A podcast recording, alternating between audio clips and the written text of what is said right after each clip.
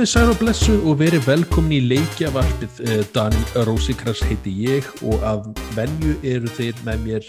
Bjarki og Svein Alright, hvað segir þið í dagstrakar? Þannig, já, það er 14. februar, valentínusar dagur. Hafið þið verið að spila einhverja teng, valentínusar tengda leiki? Mm, Nei, ég get nú ekki sagt það Nei, Ég veit ekki, telst Hitman verið romantísku lögur, ég veit það ekki. Uh, Nei, er það það? er sem marki. Er það? Nei, ég er ekki frá Þannig að það komið tenginguna? Ég, ég, ég veit ekki, þess vegna er ég bæla. Ég meina- Nei, ég, ég Ást held, við dauð aða, ég veit ekki. Já, já, þetta dreip einhvern fyrir Ástina?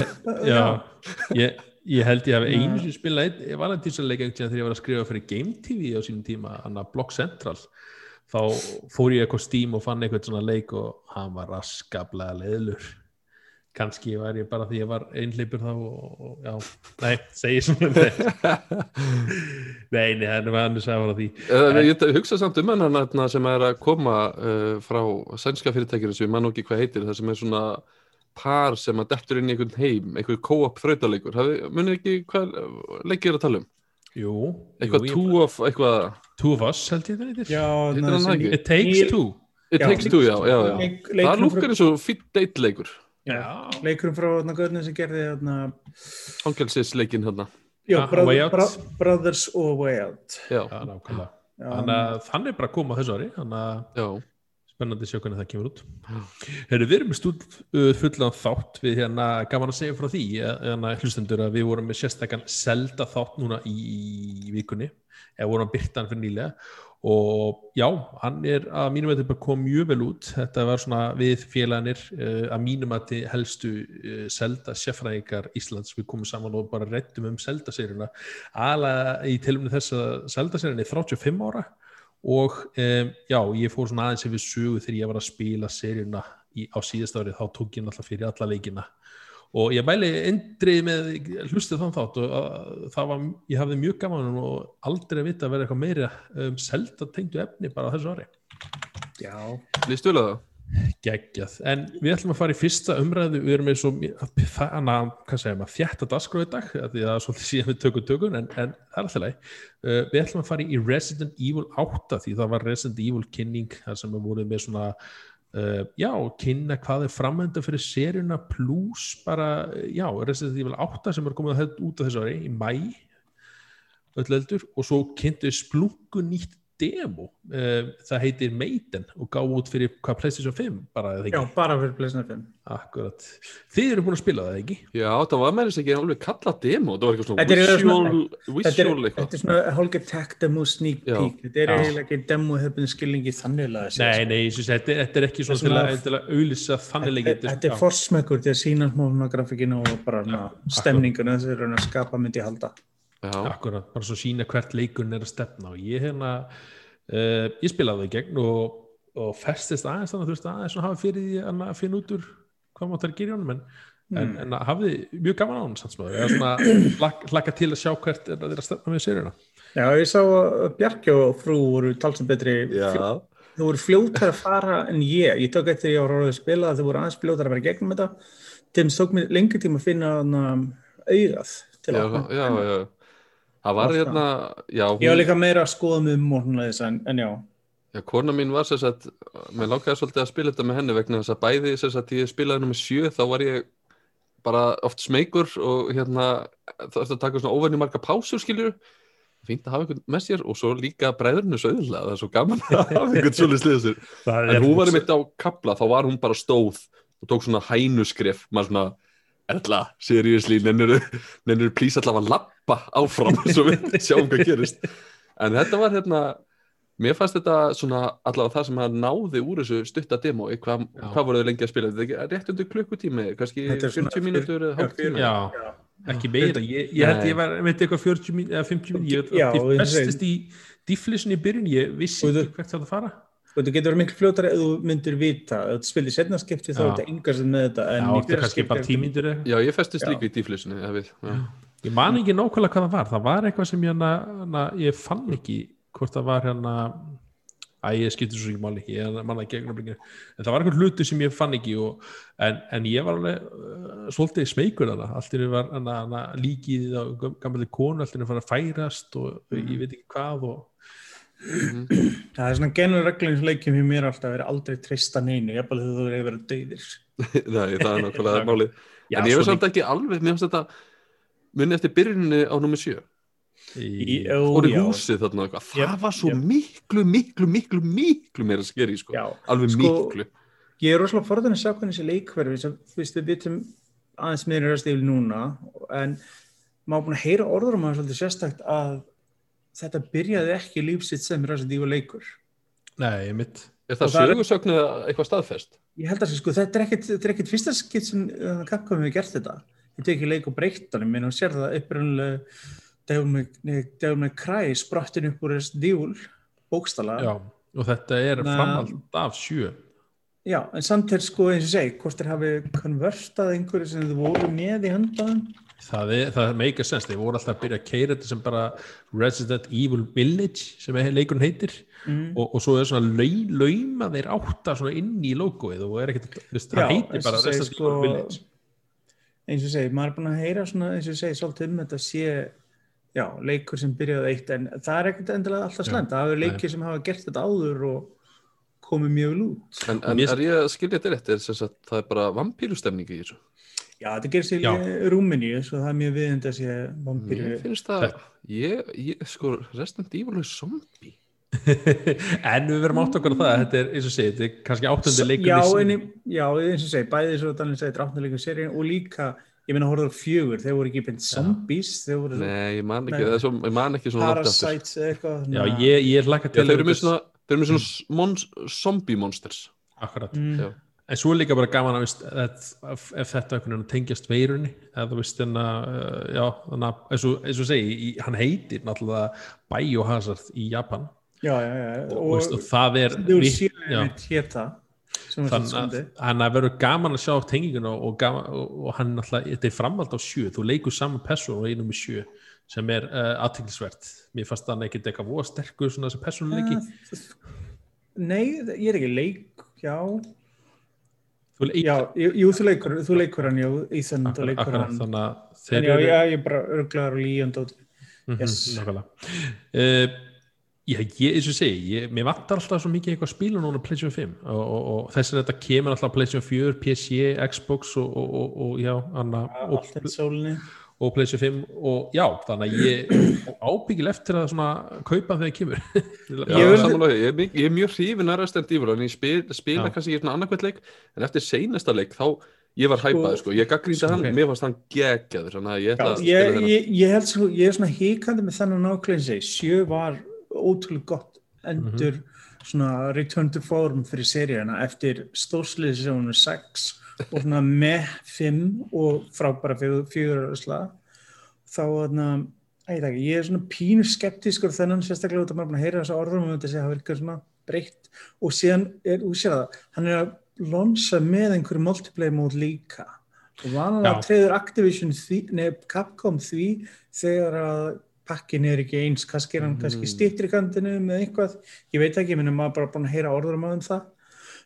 Að það skulle vera eitthvað six player online dót þarna Resident Evil R-Verse sem verður með í pakkanum. Akkurat, svo má ekki gleyma náttúrulega Mistress of Evil en að aðal en að vondu konunni sem Þú er meinar sem internet er búin að vera að missa sig yfir og að hafa svo Nákvæmlega. 12 ára gamli strákar sem aldrei fyrir stelp á þér hvað á hann að vera einhverju þrýri metrar eða eitthvað? Já, Já, eitthvað hún svona, er, hún er rétt um 3 metrar, já, þeir eru búin að staðfesta það. En það er gaman að segja frá því líka að það var svona síðan eins og, alltaf, eins og sjö þá jú, það var náttúrulega Baker fjölskyldan en, en þeim var það var svolítið skort svona einmitt svona, svona sterkan uh, vondan uh, einstaklingakurinn eða hvernig að bóla það Mm.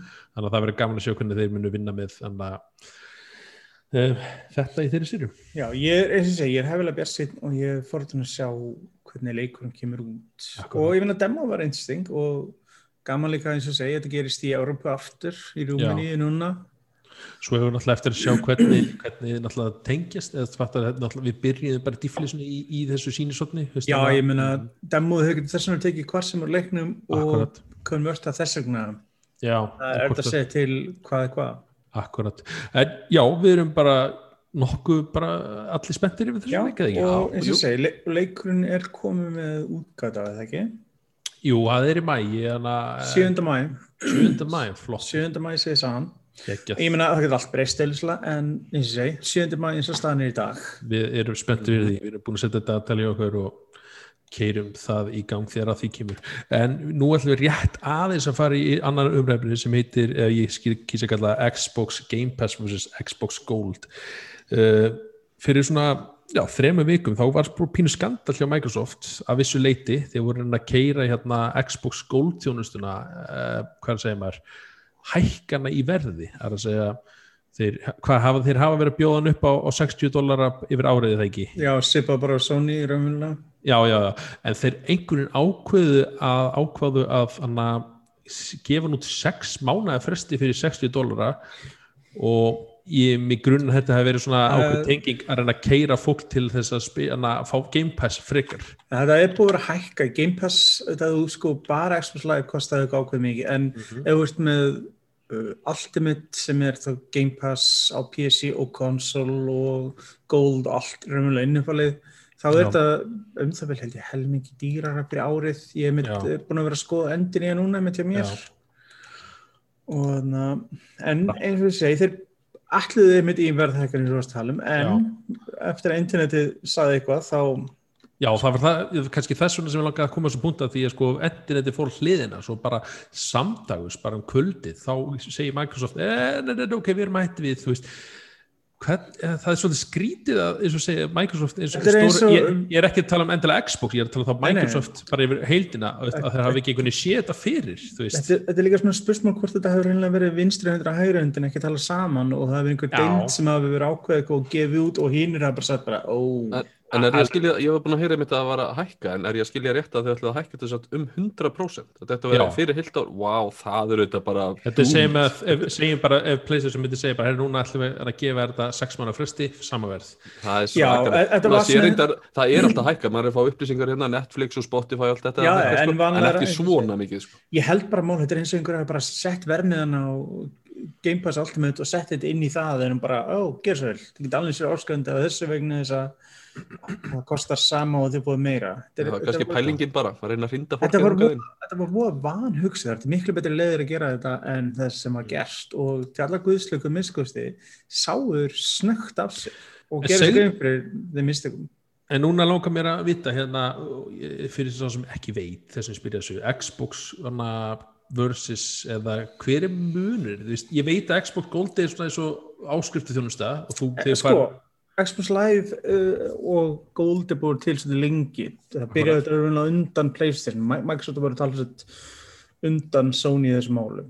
Og síðan svona frá Xbox 360 þá er þetta að vera til Xbox Gold og það var til Xbox Silver en það var aldrei notað þannig einu viti Silver var þannig sérst, að þú- borgaði semst þér áskrift af, til að spila netinu, þá gullið. En Silver leiðir að nota þjónustuna og frítt en þú, já, gast ekki spila á netinu, það var máli.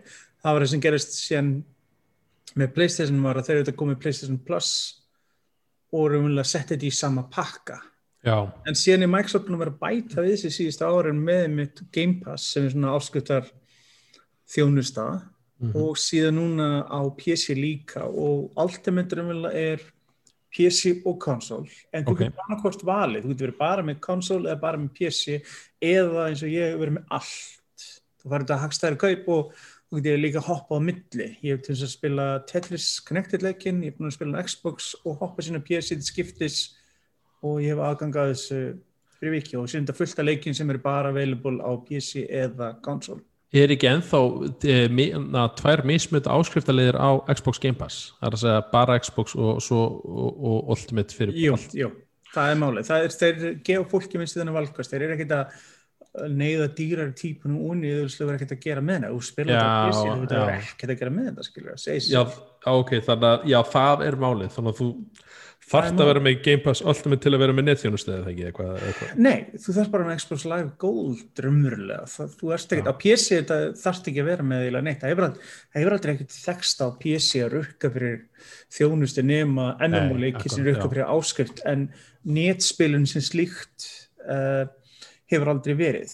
En Nei, nei. getur, sko, eins og þetta er núna, ef þú verður að borga fyrir uh, mánagjaldið, þá borgar þér 11, náttúrulega bara pundin, 11 pund fyrir Ultimate sem er þá allt heila klappið.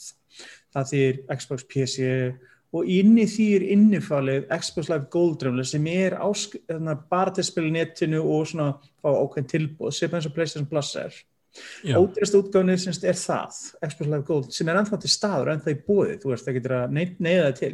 En þeir eru búin að vera bæta til þess að gera Game Pass álitlegra að núna eru þeir búin að slengja saman allt sem er Gold innifalið og til dæmis EA Play og fleira og við erum búin að bæta svona öðrum þjónustum við. Ok Já, þess að drýja þetta ennþá meira. En þú getur ennþá farið í uh, ódýrasta pakkan ennþá og það ég held að sem er Xbox Gold uh, Já, og ég held að það, það er eiginlega bara konsól sem þarf það sko, og raunverulega þessi leikir auðvitað spila á netinu á. PC. Já, ok, þannig að eins og ég tók þetta þannig eins og þeir voru að, er að reyna að fá En þeir eru að finna leið til að fá alla á Game Pass Já, þetta, þetta er stórfenglega mislíku leið, þetta er eins og Sony myndi koma með, við erum að samin að PlayStation Plus og PlayStation Now já akkurat já, sem margir er búin að veðja fyrir þessi þeir geri vegna þess Já. að þetta er þeir eru ekki eins og er, Sony ekki með neitt svar við Game Pass. Mm, nei, na, nei. ég myndi ekki kalla PlayStation Now, jú, þú getur sagt þetta svar Ekki, ekki, ekki, alls ekki pari Nei, eins og þetta, allt er uppbyggt Mm. og þeir þurftu að sakka svolítið meiri í það. En síðan ha, reyn- já. já. Nei, fyrir, haldur fara Já, síðan er þetta annar hluti sem Game Pass er með og mm. sem Microsoft er búin að vera núna mjög mikið með og Sony hefur eitthvað svona aðeins íhuga. Það er þetta cloud gaming, að geta haldið áfram og spila leikinn í spjaltölninni eða Chromebookinni eða fassímaninni Akkurat. Og bara synka saman, teka bara blessa Xbox fjastringur sem er bara Bluetooth eða bara PlayStation fjastringur, synka hana við símaðin og síðan getur haldið frá að spila. Sem konan fyrir að vera sjónvarpið og því langar að halda frá að spila Halo eða Gears eða bara hvað sem er eða Little Nightmares eða bara hvað sem þetta er í hug Akkurat. Þá getur þú haldið frá að spila og þetta er annar hluti sem er búin að vera að pröfa sér áfram með. Ég er svolítið spenntu fyrir mig þegar 5G fyrir að detta svona inn að að öllu viti hérna svona hvernig Já, uh, le- nú að hvað, Google Stadia var það ekki að draga uh, pak, pakka saman? eins og sko þeir, þeir eru ekki officially dögt en ég myndi segja svona eftir sex mánuði þá verður það dögt að þeir eru búin að staðfesta að þeir eru hættir með að búa til leiki sérstaklega fyrir Já. þetta, þeir eru búin að loka leikjadæmin, þeir voru búin að laða til sín sem sagt hæfilegrætt fólk og síðan bara eftir nokkra mánuði bara seltu þetta. Þannig að eins og svo margt sem Google gerir oft þeir byrja á einhverju flottu og síðan bara eh, missar áhugaðan og leiður þess að deyja verður mitt að áhugavert að sjá þegar að 5G dettur svona almenn leinn hvernig svona streaming uh, eða streymis leikir hvernig þeir eru eftir að detta inn sko því það er miklu svona raunverulegri valkostur en akkurat núna. Já, ég meina, sko, Stadia er ekki sem, sko, sem slíkt er ekki slæm hugmynd og alveg þetta kláta mig á bæði Sony og Microsoft. Þetta er ekki slæm hugmynd, þetta er bara útfæslan og útfæslan á Google og slæm og það er, þeir eru að súpa að segja því. Microsoft minnst ég aðeins, eins og ég segi, svo far betra fyrir utan þetta rosalega præsblandur. Ég er rosalega fórt að sjá hvað Sony gerir, þeir hafa greiðilegt Já, tækifæri til að gera hluti. Þeir eru með tekkið til staðar. Þeir keftu Gaikai á sín tíma sem er svona streymidæmi og byggu til PlayStation ná upp úr þessu. Ég, og fólk er ennþá mjög undrandi af hverju smetla þessu ekki saman við PlayStation Plus og búa til eitthvað svona álega pakka? Ég kemur ekki óvart kannski eftir svo tvör við erum eitthvað að fara að sjá það og líka bara eins og segja við erum að fann að sjá Sony leiki á PC sem bara aldrei þekst bara, já, þannig að þeir eru fann að dýfa hana litli tónu allavega í, í, þannig heim. Já, ég meina ég pröfa PlayStation Now, það er allt í lægi bara vandamálið er þetta dót sko með uh, hvernig business model er sett upp í dag. Það Akkur, er ég ætlaði einmitt að spyrja ykkur hvort það hafið einmitt prófað það. Ég hef ekki prófað það. En Ég- þú Björki, hefur þú testað eitthvað? Nei, ég hef ekki prófað þetta. Nei, Ég hef testað, ég bæði testað að stríma leik og séðan sko þeir vætti því við sem möguleika með PlayStation 4 leikið okkar downloadaðum á tölvuna þannig að þú varst ekki að það er vel að stríma komið svo með frampakka því að Já. það er það sem Xbox hefur svolítið framvið við með Já. enna Game Passinu að geta sótt leikinn töluna þannig að þú ert ekki en laus við Game, svona Já, Game Pass er ekki að streyma raunverulega, það er bara aðgangur. Og ég meina aftur á móti þetta Android og þetta Cloud og það er aftur á móti að streyma. En Akkurat, þú hefur náttúrulega sama aðgang að sömu titlum, þannig að það sé, svo lengi sem þeir eru búin að certify þeir virki í cloud og með Android eða iOS, það er þetta meiri hausverk með iOS eins og Apple eru sérstakt fyrirtæki þegar þeir eru að díla við einhvern sem er ekki Apple. Akkurat. En já, Herri, já, en það er eins og segi, það er, um, þeir fóru aftur með það, en, en er, já, ég er aftur komin í Game Pass, hvað var ég, ég var Game Pass laust í tíu daga Já, þetta. ég, hvernig virkar það fyrir þið mitt? Já, ég, Ég, ég kem að því na, síðar þettinum, Mhm. að því ég er mitt þannig að sá útgáðu sem ég langa að spila. En uh, á þessum tíma, frá síðast þetta, fengum við uh, nýjar upplýsingar um Mass Effect Legendary en útgáfuna. já, Uh, hún er að koma út í mæ líka, heldur 16. mæ eða eitthvað já, svo lengi sem þið senkan ekki eins og, já. Já, ég er að segja, þannig að þetta eru allir þrýr leikinir komnir saman í pakka. Og allt niðurhásefni líka, nema eitt, það er eitt pakki fyrir Mass Effect, eitt sem er ekki til staðar, það er einu hlutur sem vantar. Uh, Pinnacle Station þetta, þeir segja það segja að soskótin sé týndur eða skemmdur, það er Ah, sem ok. hafa það ekki getað sett inn. En raunverulega, þú veist, utan það er einu sem vantar er multiplayerin fyrir þrjú hverjum, þó að vera ágætur þá hverjum er ekki sama. Það, það, Já, er, er ekki, það, er, ekki, ég- það er ekki mikið missir í honum, sko. Akkurat. Uh, Sveit, þú hefur verið svona búin að spila þessa serju eða við Ah, svarta. en hvað er það? Ég hef aldrei, aldrei, ég átti ekki á neinum plattformum eða neitt. Og hérna, eitt kannski eitt er- sem þólir er- ekki er, endan á ég er, er mjög sterkar skoðunir á endum að þrjú. Já. Svo sem við ekki fara beint í, Ég meina, ég gæti verið með sérstætt podcast bara um endur, síðustu já. 20 minnuna þeim leik, Mhm. en ég ætla að halda aftur af mér. uh, sko, finnst ertu, þetta ertu spenntu fyrir þessar útgafu? bæð og. Já. Sko, ég er spenntur, sko, fyrsti leikurinn er frábær, setni leikurinn er eitt besti leikur alltaf tíma mínum að til, Mhm. þrjú er ágætur fyrir þann síðasta kortrin sem ber best að gleyma vegna þess að hann er viðbjöður Jarðar allt sem þú er búin að spila áður. hann tekur svona og pissar á gröfina Svona þú- frónstemning já, þetta er svona pínu Vá, þannig já, ég held að Þetta það sé bara besta lýsingin, sko. já, þetta er það, þetta er pínu svona eins og segja hlut sem er búin að elska allan tíman og síðan á síðustu metrunum snýra sig við gerðinu buksnar og já, gerir stikki sín ón á hlutin og maður er bara og sem segir hann, byrju, var þetta ekki það sem þú vildir? maður er bara, nei, þú, þú lofaði mér allt öðru Já, margsinn, ég er með þetta skriflegt, ég get sínt það. Og þeir eru samt bara, byrju, ef þið líkar ekki við þetta þá getur þið bara að fara eitthvað annað. Mm En uh, þú. Björki, þú, ert þú eitthvað spenntu fyrir þessu? Sko, Uh, ég, sko- já, vegna þess að hérna, sko, ég prófaði fyrst, sko, Mass Effect 1 kom hann út á Xbox 360 Hann kom bara út á Xbox og síðan setna hann á PC. Það er Microsoft sporg, uh, stutti við framleyslið hans. Já, já, ég nefnilega sko, þegar ég kefti Xbox 360 þá einmitt voru allir á gömlu síðunni hérna, sveitnasta Xbox 360.is Já, og það voru allir bara, wow, þetta er geggjaðleiku, verið að prófa hann. Þetta Og ég var var svona- Já, Hvað þurru? já, ég meina þetta er auðvitað þessi leikir sem voru sín- síndir þegar Xbox-talan var sínd 2005 þá var þetta leikur sem voru notað til að sína þetta er næsta kynnslóðin á þeim tíma. Og maður bara. Mér, mér fannst að það hljóma mjög spennandi þannig að ég keifti að nota hann á einhverjum gauð sem ég hitti í Vesturbænum bara. Mm, nota eintak sko og hérna og ég endist bara þú veist í ég veit ekki klukkutíma einn og hálfan ég hafði bara ekki þólum í þetta, ég bara nefndi Sko, ekki. En að núna í dag er, ég- er maður kannski öðruvísi þannig að ég væri alveg til í að prófa aftur sko. sko eins og ég myndi segja fólk er þrjú er rosalega hardcore sko það verður líka að horfa til. Seríum verður að gera Bioware sem voru þekktir áður fyrir fyrir leikið svo Jade Empire, Knights of the Republic og, og Mass Effect sprottinu búið því og sem þetta Baldur's Gate og fullt af Neverwinter Nights, fullt af PC-leikum uh, fyrsti leikurinn er rosalega mikið roleplay-leikur, miklu meir og hann er með rosalega klangi að keira Mikoin var alltaf horror show, það var eins og verið fullur á livjum, lamaður og ég veit ekki hvað fleira í leiðinni það var alltaf rosalega strempi og þeir eru reynda búin að lofa að það veri lagfæst. Uh, tvö mínum að þetta er hinn fullkona bland af roleplayleik og hasaleg mm. sem neglir þetta perfekt. Þeir löguðu þessar hluti sem fólk fannst svona klunalegt í fyrsta leikin, fyrsta leikin er ennþá góður og þess að sagan er góður, það er það sem heldur hann uppi. Mm. Tvö aftur á móti er balansið á gameplay og plotti. Þrjú aftur á móti er svo þundur um sem þeir gerði bara hasaleg. Þeir tóku allt roleplay á þig, fleiði til hliðar, strömlínun og allt bara niður í bara idiot proof og það er móðgun idiot proof að segja og séðan endurinn hún á það.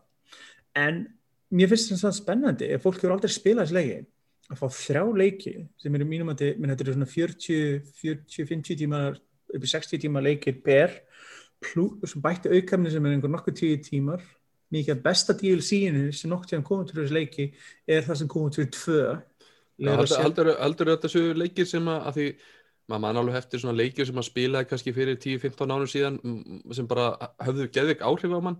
Já, en einhvern er veginn, uh, nú eru svona aðrir kannski Já, fleiri leikir bara- búin að gera svipaða hluti og Já, þá hlut- hefur leikurinn ekki sem áhrif á fólk sko. hlutin hefur breyst en ég held að það sem mun, þú myndur klálega reka það á hluti sem hafa, þú veist, já bransin hefur þróast. Og þú spurning hvort þið hafa ennþá svona hvort þessi svona áhrifa miklir ennþá en maður myndi Sko, spila á fyrsta já. skipti í dag? sagan og það, ég, sko ástæðin fyrir ég verið svo reyður út af þessum leik er nákvæmlega því þess að sagan svo góð, mér fannst það svo merkileg. Ég tengdi svo margt við hana. Þess vegna er ég svo argur út í þetta vegna þess að, já það er út af þessu, þetta er sagan var svo vel skrifuð, þú hafði svo mörg valkosti leikurinn gætt fara svo marga mismyndi vegu. Ég meina í tvö gott helmingurinn af krúinin dáið. Og það spilar takkilega þessi inn í þrjú. Ef þeir eru döðir í tvö þá er ekkert komið tilbaka í þrjú. Og- líka þetta bara, og segir, þetta er svona þitt krú þú veist, þú tengist þessu og, og, og, tengist það var máli, ég meina þetta var suicide mission, mm Mhm. tvö snýrust um það og þú investaði rosalega mikið í það. Og þegar þú er búin að spila leiki í kannski einhverja 200-300 tíma og komin á loka partin í þriðalegnum, þá ertu þetta sæmilega investið myndi ég segja. Uh, ég, segi, ég er mjög uh, ég er búin að spila þessa serju einu gegn og, ég er alveg til að uppræna aftur uh, Já, aftur, ég er búin að klára held í fyrsta leikin 4, 5, 6 ennum eitthvað já. svipað, eitt en, en fló, þetta er fínt þess að Bjarki nefnir einmitt, en, en þetta er svona, er svona gríðalega flottu pakki einmitt, hérna, upp á, Já, já, upp á meina, vera hérna sko, valjulega séð, peningulega séð, þá er þetta rosalega heillandi pakki. Og sérstaklega eins að þú veist, ef þú ætlar að spila þessu leiki í dag, þá er ennþann í dag, DLC fyrir þessu leiki fárlega dýrt, það var alltaf, þeir eru aldrei lækka verðið þess, en þegar segjum þið langar að spila þetta á PlayStation 3, eða Xbox eða PC, það er hausverkur að redda akkurat þannig að fáta sam, saman í held að pakka. Ekki slorp, ég, ég myndi hyggla smæla með fólk að gaman að hasar og æfinturleikjum og rúbleikjum að skoða þetta. mm. já, bara, og, og, já, og svo náttúrulega Var það eitthvað bara á endinum? ver, svo var uppfærið hann að fyrstu útgæðan alltaf það að segja Og og ef, ef maður spila leikin í dag þú veist hvernig virkar það þegar komið búið- eftir að auka já, endurinn? velur málið- þá bara hvort viltu fá original endin eða Nei, sko það sem þeir eru gert skils mér að þeir eru, vilja slá, núna er allt uh, sko þetta er eins og hvort að horfa á bíómynd sem er búin að bæta við deleted scenes inn í sig. Þú ert að horfa á orginútgáfunu eða brans nýjútgáfuna þetta er einlega nýjútgáf þann hátt að það er búin að setja dýrs í einu þannig að kemur upp á þessum punktum.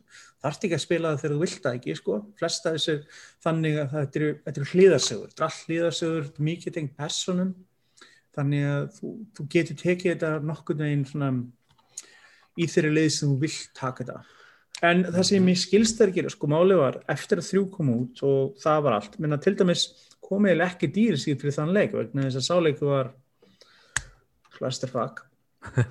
Og alls konar vittlisar áherslu eins og multiplayer og dót sem mér sem spilaði inn í singleplayinu var hundlega að vera eiga við. Þú, varst neittið til að spila multiplayerin til að koma galaktik skorinu upp eða eitthvað app, þetta var allt þetta tímabil í leikjabransanum það sem varst með app fyrir allan anskotan og allt svo leiðis Já, það þótti actually bara töff, Já, bara wow, já. það til app með þessu. Já, það, það er því góður útfæslu og það var því slæmóðlu og þetta var Já. allt svona. Þetta er guðslegur þeir eru búin að taka það í burtu og mér skilst að það sem þeir, eins og þeir gerðu þeir byggjum bara til endir, nýjan endir fyrir leikinu, epilogue eftir einhverja mánu, eftir allt húlum hæði sem varð út af það hvernig var með leikin eftir að Sveit sendi einn post Já, ég, ég haldt interneti og þannig að þeir byggjum til endir sem svona aðeins hann er skarri og hann er Mm. raunverulega canonical endurinn akkurat, þannig að þú, þeir spila hann í fyrsta skipti leikin og spilaði gegn ég held að þeir verði ekki eins súrir eftir á.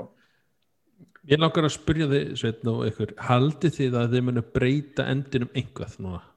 Mm, Ég Nei, er hissa ég- að það væri geggjað sko ég er með búin að vera að lesa nú viðtöl Já. við starfs, uh, fyrir um starfsmenn bæjar og það er aðlýst að sjá hvað margir starfsmenn innan bæjar sem voru líka rosalega ósátti við endurinn.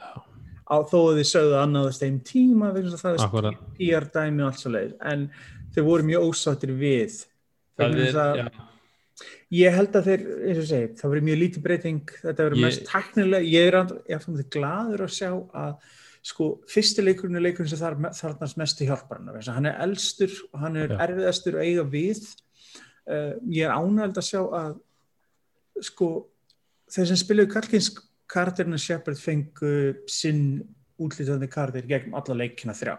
Aftur á móti þeir sem spiluðu kvennkísugana sem mínum að þetta er betri útgáðan betri, betri röddið af Jennifer Hale sem er mjög þekkt í leikibransanum hún áttur á móti alltaf, alltaf brandan male shep og shep það var alltaf það sem Akkurat. kalla þessi karakter.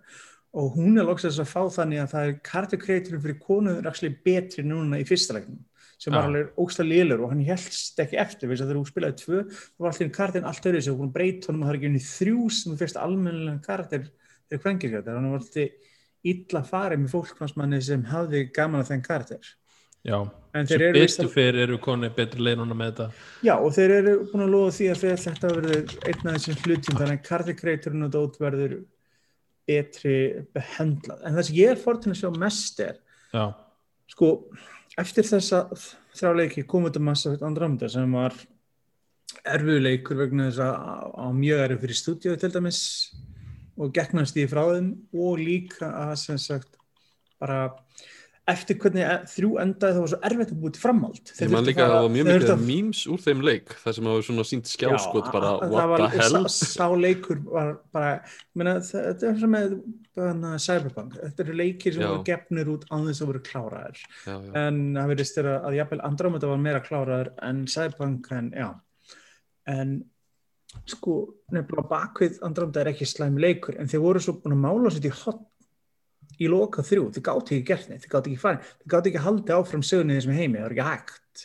Svo þeir þurftu að fara til aðrar, aðra, annara vetrabetra 900 ári framtíðina til þess algjörlega aðskila sér frá þessu. En vandamál bara var að leikurum var ekki nógu góður og auðvitað fekk ekki tíma sem það þurfti. Og núna er serien í svona limbo. Þeir eru endurgjörð þrjúnuna þeir eru ekkert sagt gert neitt með massagt síðan hvað ætlar að gera, ætlar að halda áfram? Þeir hafa tækjur til að lagfara endinu og þrjú og þá ekki getur haldið áfram með allt saman. Akkurat en ég trúði mikið til þess eins og þetta er EA sem er bakveð þetta og þeir vilja sem minnst gera og fá sem mesta pening. Mm en Já, það er, næ, ég ætla bara að koma á, á lokum á þessu punkti er að það er sem sagt, ég hef, ei, ég hef smá trú að þeir breyta einhverju, ekki mikla. Uh, ein ástæðin myndi breytanum er að myndi tengjan við nýja massavegt sem er í vinslu já, séðan þetta það, það er búið að vera lengi talað með þessi Já, já, já, akkurat. og þeir eru búin að týsa því. Og síðan er búin að blóma okkur máli þess að enginn veitur um hvernig er alltaf að takla þann pakka. Það væri satt geggjað sko, það væri mjög sögulegt ef, ef það yrði þú veist breytt endinum þó var ekki nema eitthvað aðeins vegna þess að þá eru komið leik sem er komið með þrjá útgáfur einhvern veginn af endinum. Já, það er eitthvað magnað sko. Eins og ég sögði í Gameface þannig að ég vitna alltaf því að podcasti hann eitt var á því, þetta þessi, hann sagði, Mass Effect er sagan af Shepard, hvort þú ert að kalla kona, Já, þessni, já, vir, það er þessni, vir- þessni virka ekki Andromeda Andro, Andromeda Af því bara þú- og, og gerðu það er má ástæðanum á argur eins og þeir gerðu svo lítúr öllu sem maður var. Og ég sé, ef þú aftur mútið lagfara, það eru margar góðu leiði til þess að gera þetta. Menn að þú, maður hefur stundur séð þetta með aðra hluti. Þú hefur, þú býtir framhald að einhverju. Mhm. sem lagfarur fyrirpartina þess þannig að rithöfundar gert um bækur. Þegar að endur skrifa vissan parti í lokin til þess að lagfara tenginguna betur. Akkurat. þannig að þetta er flæð, menn það er svo- til að gera það og maður er farin að sjá þetta í bíómyndu líka Cats, munið ekki eftir því ójökk það, það fór í bíóhúsinu og svo allt í hennu var verið að tala um hversu illa sem sagt effektarnir voru þarna Já. eftir, eftir vinslan og þá vorum bara uh, lagfærið Já. og gefin aftur út svona uppfærið útgafa, mér finnst þetta Já. frekar magnað að sé að vera að uppfæra bíómyndir eins og verið að eh, henda pötsum hérna út á, á törleikina sko mm. og ég segi, þetta er mjög aðtíksvært og mm. sko þeir hafa möguleika til þess að gera og actually endur þessar venulega seríuna upp og búa til Mass Effect 4 eða hvað sem er í þessum heimi Já. en hvort eru nú djarfi til þess að lagfara þetta og við ekki hérna klúrið sem þeir gerðu eða ekki Já, ég hef svona, þeir, ég ætlaði nú ekki að fara út í hvað þeir gerðu nú allavega við hana endun og þrjú en, en það var svona, þurfti allavega til að tengingin eigi þessi stað þurfti allavega að breyta einhverju eða gera eitthvað svona að þú meinar ekki, ekki rauður gulur eh, ekki rauður græn eða blár Já, eða þá hafa þá einhver aðra menningu bak þetta. En já, við, eins og sé hana, Mass Effect Leg Legendary Já, e, í- í þeir, sem, þeir sem vilja að ég tali ítalið um þetta sendið telepost á Nerd Northsins Hringið í ok. Nei, og tala við Bjarka og láta þeim vita og ef hann ómargir sínir svo áhuga þá hver veit hvað gerist. Ég get askrað og rantað eins lengi við þetta. nákvæmlega sérstaklega sérstaklega Mass Effect spoiler þáttur, hver veit en Já. hérna Tóhú, þú varst að spila hann Bjarki þú hérna, ég bara að gefa þér orðið þú? Já, tóhú, ég veit ekki hvernig maður þetta fram. Þetta skrifa T-O-H-U tóhú, tóhú eitthvað svo leiðis uh, Já, þetta er sagt svona leikur sem ég bara rakst á og það er sagt hérna maður er búin að vera svo busy í hérna Ring Fit Adventure og laga eldhúsið hérna heima þannig að maður svona hafði ekki alveg tíma kannski fyrir eitthvað stóran leik þannig að ég sá þennan, þetta er bara svona indie uh, hérna þrautaleikur með pick-up feeling og hann er frá einhverju frekar litlu stúdíu hvað þetta er það, Fire Art Games eh, bara ekki búið til neitt áður eða einhvern eitt lítið leik uh, áður og, og hérna eru svona frekar nýr í bransanum. En uh, tóku þá sem sagt þetta stjórna svona uh, einhverju hérna ungri stelpu sem að getur breytt sér í vélmenni. Hún er svona einhvern veginn, þetta er svona sami karakterinn og maður veit ekkert hérna 100% hvernig sko hvað er að gerast í byrjun en þetta er svolítið svona kemur bara eitthvað, eitthvað vont íllmenni og fer að eðilegja heimana þarna í kringum þig og þú ert í rauninni að flakka á milli svæða og ert að sapna svona uh, hlutum sem að þú þarft að eiga til að laga uh, bæiðin sem er búið að eðilegja Okay. og hérna þetta var, ég spilaði hennar leik á svipuðum tíma og ég spilaði hérna Iris Fall sem er líka annað Já, þrautaleikur já, sem þú varst maður að tala um ömmut. Já, akkurat, sem er ekkert svona eitthvað svakalega öðruvísi, en Iris Fall einhvern veginn bara kallaði ekkert aftur á, mig, ég hafði voða lítinn áhuga Ma, það voru með svona þrautum sem að gerði maður svolítið pirraðan og Já. voru ekkert svakalega vel úr, útfæriðar sko, sem bara svona misvel, en í, í Tóhu þá ertu með, sem sagt,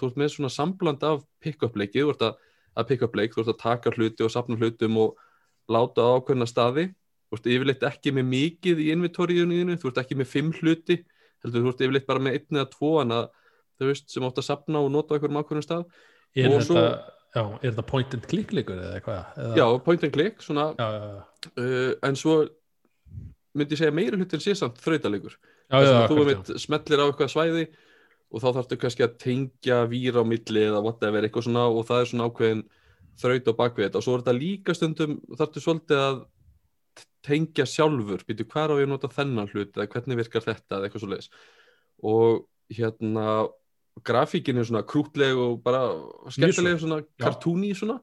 Og ég keipti hann sem sagt á Nintendo Switch vegna þess að hann, hann kom út held ég á PC og hvort hann kom ekki líka á Playstation held ég Mm. og hérna, ég, ég keipti hann á Switch vegna þess að ég var að fara í Hann, er hann er á Playstation, ég var að fletta hann upp á hann. ok, ég keipti hann á Switch vegna þess að ég sá svona screenshot úr leiknum og þá var stelpan í leiknum að halda á Switch tölvu Mm. og ég var eitthvað, ok, er það að nota Switch elementið eitthvað á skemmtilegan hátt í þessu? En það var í rauninni ekkert ekkert þannig, þetta var bara það var, var annars geta að spila en annars staðar. Þú ert með ör, þetta er svona mús.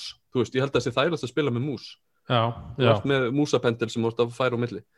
Uh, þannig að þrautirnar er mjög skemmtilegar hæfilega langar, hæfilega erfiðar. Mhm. og það sem að er gull í þessu og mér finnst að fleiri þrautaleikir í stittri kantinum ætti að taka til fyrirmyndar og það er ef þú festist að þá geturu uh, óskað eftir hjálp. Já, algjörlega þá, þá getur þú farið á svona uh, lás og þú ert að hitta þú, það er ekki nóg að smetla bara í takka, heldur þú ert að leysa svona míníþraut, íta á takkan á réttum tíma eitthvað fjóru sinnum og eitthvað. Þannig að það tekur svona tíma að þú veist ákveða, ætla ég öruglega að ætla ég öruglega að hérna fá svarið í hendurnar eða ætla ég að hætta við? Að stundu vill maður reyna að fatta þetta. Já, ég er algjörlega samlega og hérna, já, þá leiðir mann áfram, en ég þurfti voðalega lítið að, að hérna að googla eitthvað því ég festist en á móti svona helsti ókosturinn ég spilaði sett mest handheldan í Switch Já. og það eru svona nokkurum stöðum þar sem að hefði verið næs að vera með músina og stærri skjá vegna þess að það eru svona einhver svona pínu lítill hluti sem maður átt að smetla á. Og af því maður var einhvern veginn með Switch að þá svona sá maður hann ekki almennilega. Já, ok, En Já. þetta er bara, já, frekar stuttuleikur, ég held að þetta sé, ég tók nú ekki tíman, ég myndi giska á, ég veit ekki, tvo, tvo halvan tíma eitthvað svo leiðis já, og bara hérna mjög solid og þægilegur og ekkert mál að hoppa í og úr og, og svona. Já, en það, það er ekkert svona kvitið til þess að spila leikin aftur eða það er eitthvað svona Nei, eða býtu, jú, að það er að maður safnar einhverjum svona pöttum, þetta er svona svolítið skrýtnir heimar, þetta er svona einhver svona geimveru heimar, Já, bara að finna alls konar svona skrýtna pöttur sem er svona lítið út og skrújátn og skiptileikill og eitthvað. Og maður safna þeim og maður fær nú eitthvað fyrir það, en þarna til dæmis, ég þurfti til dæmis að fara á einu stað, þá þurfti ég að kíkja á vídeo að því hjálpin var ekki alveg að hjálpa mér nógu vel. Mm. og þá til dæmis poppað upp achievement að því ég var að horfa á walkthrough gegnum Xbox. En ef þetta á. Switch þá fær maður ekkert svona klapp á bakið og segir duglegur Bjarki að fatta þetta. Þannig að- það vantaði kannski bara svoleiðis en, en að það er ekkert svona replay value þannig sko, þú ert bara búið með leikin akkurat. Uh, Tóhú, þú hérna þú gefur grænlega svo hann og hann er alltaf til að switch og Já, og leiðir mjög- bara vel út bara á veist. Jú, bara mjög flottur hérna, veist, það koma skemmtilegur út á uh, á stóra skjánum frekar en litla, en það er þægilegt með, að þægilegt samt að geta hoppað í minni og þá virka líka snertiskjárin þú veist, það, það er músabendill að maður getur líka nota bara puttana til að íta á hluti á, á skjánum sko. Já, mér, það, það er glæsið mér finnst að við, svona, við, við, það fallega við switch að geta í henni mittina með þessa indíleiki og, Já. Og, og, kannski konan er að horfa sjópi og þú getur svona að vera, þú veist já, bara dunda þér í, í og handheld þannig að, Já, bara Þetta mjög solid leikur, þetta er ekkert groundbreaking leikur, bara Nei. mjög fýtt leikur sem að, ekkert sem þarf. SSD-tæknina í PlayStation 5 eða, nei, nei, en það er samt, ég verður samt að segja, mann er leið pínu svo, svona eins og uh, spiltum krakka þegar maður var að fara í leikin og maður ítti á tóhu og switch og svona hvað, þarf ég að býða í, í sjö sekundur eftir leikum ég er bara að býða í tvær sekundur eftir Spiderman í PlayStation 5 akkurat. Og samt er þetta flash minni sem er ennþá ræðara en margt annað. Já, maður er samt bara maður er orðinn- maður er ógóð vanur ég er svona já, ég hef ekki fundið fyrir því á, á Switch eins og ég segi, ég verið að spila Hyrule Warriors og þá er mitt en að teka sér 30 sekundur eða 40 sekundur að, að, að hlaða inn en að borðið sem ég er í. Og þá er reyndar leikurinn með svona texta eða, eða þá svo segir söga með þannig að kannski maður er, kannski, er ekki spáðið því. En ef ég verð, ef það er PlayStation 4 leikur þá væri ég bara, jæja þú veist, PlayStation 5 er ekki svona þú veist, það er einhvern veginn maður svona, já, maður getur testað með munur ofta á PlayStation 5 með PlayStation 4 leiki að spila það utan einhvern harddisknum eða færa það innbyggða diskinu og allt í hennu já, alveg eins og Xboxinni, ég ger þetta líka maður bara að pröfa ég, þegar ég var að spila Cyberpunk þá var ég með Cyberpunk installaðan á SSD disknum bara með það miklu sneggri að hlaða sig upp. já, já. Akkur. PlayStation Þannig 4 er mér bara ennþá í skáp sko, ég er ekki ennþá að nota, eða fyrir hana eða nema ég ætla kannski að nota hana fyrir hana hafið, þið prófað að streyma Play- Play- PlayStation 5 á PlayStation 4? Nei, en það er nákvæmlega sama plan í gangi hér. Að, að geima hana ef maður skildi vilja gera það sko. Já, það er Já. svona með Tal, já, og na, við erum að pröfa þetta kannski einhvern tíma þegar við afreikum loksins að spila Ghost of Tsushima. Já, það er, co-op-dótið Mhm. það er enna, Ég með, með setja ykkur pressa á okkur núna með því að nota þetta í upptök þannig að podcastinu. Já, það mér langar að pröfa. það akkurat, ég ég- ég, ég er alveg búin að ákvæða samt að ég ætla að halda áfram í þessum hérna, þrauta, þrautaleikja heimi. Ég ætla að hérna, fara í Little Big nei, Little Big Planet, uh, Little Nightmares. Tvö, Já. næst. já, já, það fram, er næsta já, dagskrá. Ég hlakka til að sjá eða heyra mér og hann fór að ég átti að spila.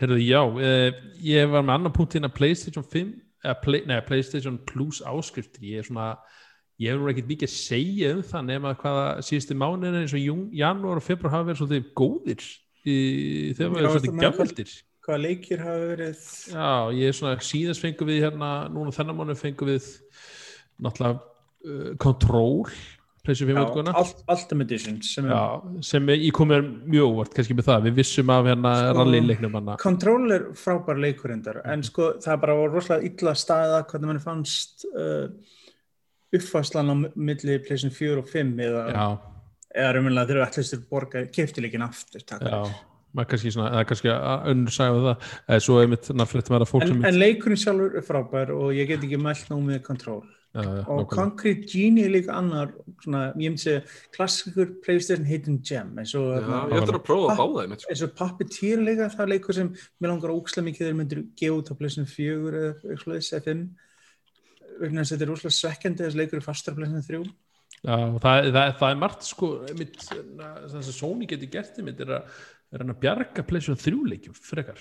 Já, það, það eru sumir klassískir frábæri Já. Playstation 3 leiki sem komið bara á þetta Playstation 3 sem er bara hann þeir eru náttúrulega búin að eh, kannski svona að helstu það er náttúrulega er hann eins og hana Uncharted komið hana serju God of War hann að þrjú kom á það Já, er, en eins og segi leikir sem þeir gáðu sjálfur út sem er þetta svekkjandi að skul ekki ég er að segja akkurat. fá einhvers konar tilfærslu. Já, einhvern, já, hvað sem að þú væri einhvern veginn í skíunum eða einhvern veginn hvernig, Já, ég segi, ég þarf ekki einhverja uppfara útgáð ég vil bara útgáð sem virkar á akkurat. nýra hardware. En hérna, Sveit, þú hefur verið að spila Hitman 3 eh, er það ekki, er Jú, ég, eða, þú meinar ég hef verið að láta fólk lendi ímsum slísum og reynda að lá- já. Og gengir rosalega mismöndi vel með það við skulum orða þannig. Valentínus að leikur eða ekki? Þetta er, ég meina, romantík byssukúlur uh, skrúja og, kúp, og kúbein fljúa rosalega oft sko. Er þetta þín útfærsla romantísku, er- romantísku kvöld, kvöldstund þetta eða? er sko, sko þetta, þetta, þetta byrjar rosalega vel en þetta endar vanlega í fangaklefa eða í einhvern blóðbóli Jésús, þú voru að fara í er- dýflusunast Daniels bara ég, ég hrættur við Difflison Daniels og þarna Við komum að það í þessu þætti líka að þannig að leik tölvuleiki herbyggjum mitt, ég skýrði það difflisan og ég, fyrst að því mér fannst að hljóma ég, mér fannst að hljóm ég var, ég sko, báli var að þetta var svo beinþýði ekki selda, dungeon. Aha, mm. svo þegar ég fór að hugsa um difflisa þá fór ég að hugsa um hangandi rólur og ég bara, nei, klálega hugsa er ekki dæmi til þannig ég svona, já, þannig að þetta fær svona halda sess að þetta er pínufindið en já, uh, úr difflisunni í Hitman. Ok, uh, Hitman 3 er auðvitað framhaldið af Hitman 1 og 2 þó þessi til talsveit fyrir leikir. Þetta er eh, endalog af World of Assassination. Þeir eru umlega rýbútið seríunni fyrir okkur síðan og eru búin að pröfa þess áfram. Pröfuðu fyrst með episodic dæmi sem virkaði eða kom ítlót fyrir það sölulega séð og þeir gáðu tvö heldina það er með úrslega kúla sem þeir eru búin að gera að í tvö gastu spilað öll borðinu eitt og í þrjú getur þú spilað öll borðinu eitt og tvö. Þannig að skyndir þetta komið með ennþá fleiri borð og með þess að uppfærð í með betri grafík og, tækni sem kom bara í þrjú. En sko eins og þetta er ekkert eitthvað jú, sagan heldur áfram og hún er sæmilega en þetta er ekki ástæðan sem ert að spila þessa leiki. Ástæðan eru borðin og því fjölbreytilegi fjölbreytilegi sem þú spilaði þetta eru hvað er ég, ég held að segja sex borð eða eitthvað um, langar að segja sex borð. Jú, það passar. Já og það eru, eru svona fjölbreyt sko. fyrsta borðið er gerst í Dubai í svona skíklúri svona Burj Khalifa skíklúri og þetta er með þetta hana út með einhverjum tveim gaurum sem eru svona uh, starfa fyrir einhverjum leinifjölag sem drepur fólkur í peninga. Og þarna skemmtilegast eða útfæslan fyrst þú spilar þá veist ekki annað hvað það gera. Leikurinn getur gefið vísbendingu eða ekki þú ræður. Og þetta er svona, hmm, ætla ég að dölbúið með sér þjónin og reyna að komast þannig og dölbúið með sér öryggisverðin og sko, þú getur drepið þetta allt kvikt eða þú getur drepið ynga nema það sem átt að gera. Og laumast í burtu og þess engur taka þetta eða látið að lenda út í slísi til mis, eh, opna sko, að endurspila borðin er ofta skemmtilegast vegna þess að þá sérður um hvað er hægt. Þetta er eins og fyrsta skiptið þegar ég spilaði Dubai borði, þá fór ég dölbúið með sengur þjón, öryggsverð fór skauðbákurinn og drap og forðaði mér. Það var rosalega merkilegt. Í fymta, sjötta skiptið þá aftur á móti fann ég leið til þess að sko þess aðstæðan, þetta gerist einhverjum nörðislega byggingu og eitt af flótta leiðunum gaurana var að fyrsta ræði þyrla og þyrlan virkaði ekki, þá lyftan og ef það var ekki hægt þá voru þau með tvær fallívar og hoppuð bara út byggingunni. Og það hátt uppi. Triksi var að lauma sér inn og skera á báða fallíðarnar áður, áður. Síðan koma tryggjara alarmið og síðan bara býða eftir að þeir hoppuð bóðið fram af og opnu fallíðarnar og virkaði ekki. Og lappa bara rólegur í burtu eins og ekkert á gest og enginn var að vara við mig. Og síðan næsta borður reyndar líklega uppbóldsborðið mitt.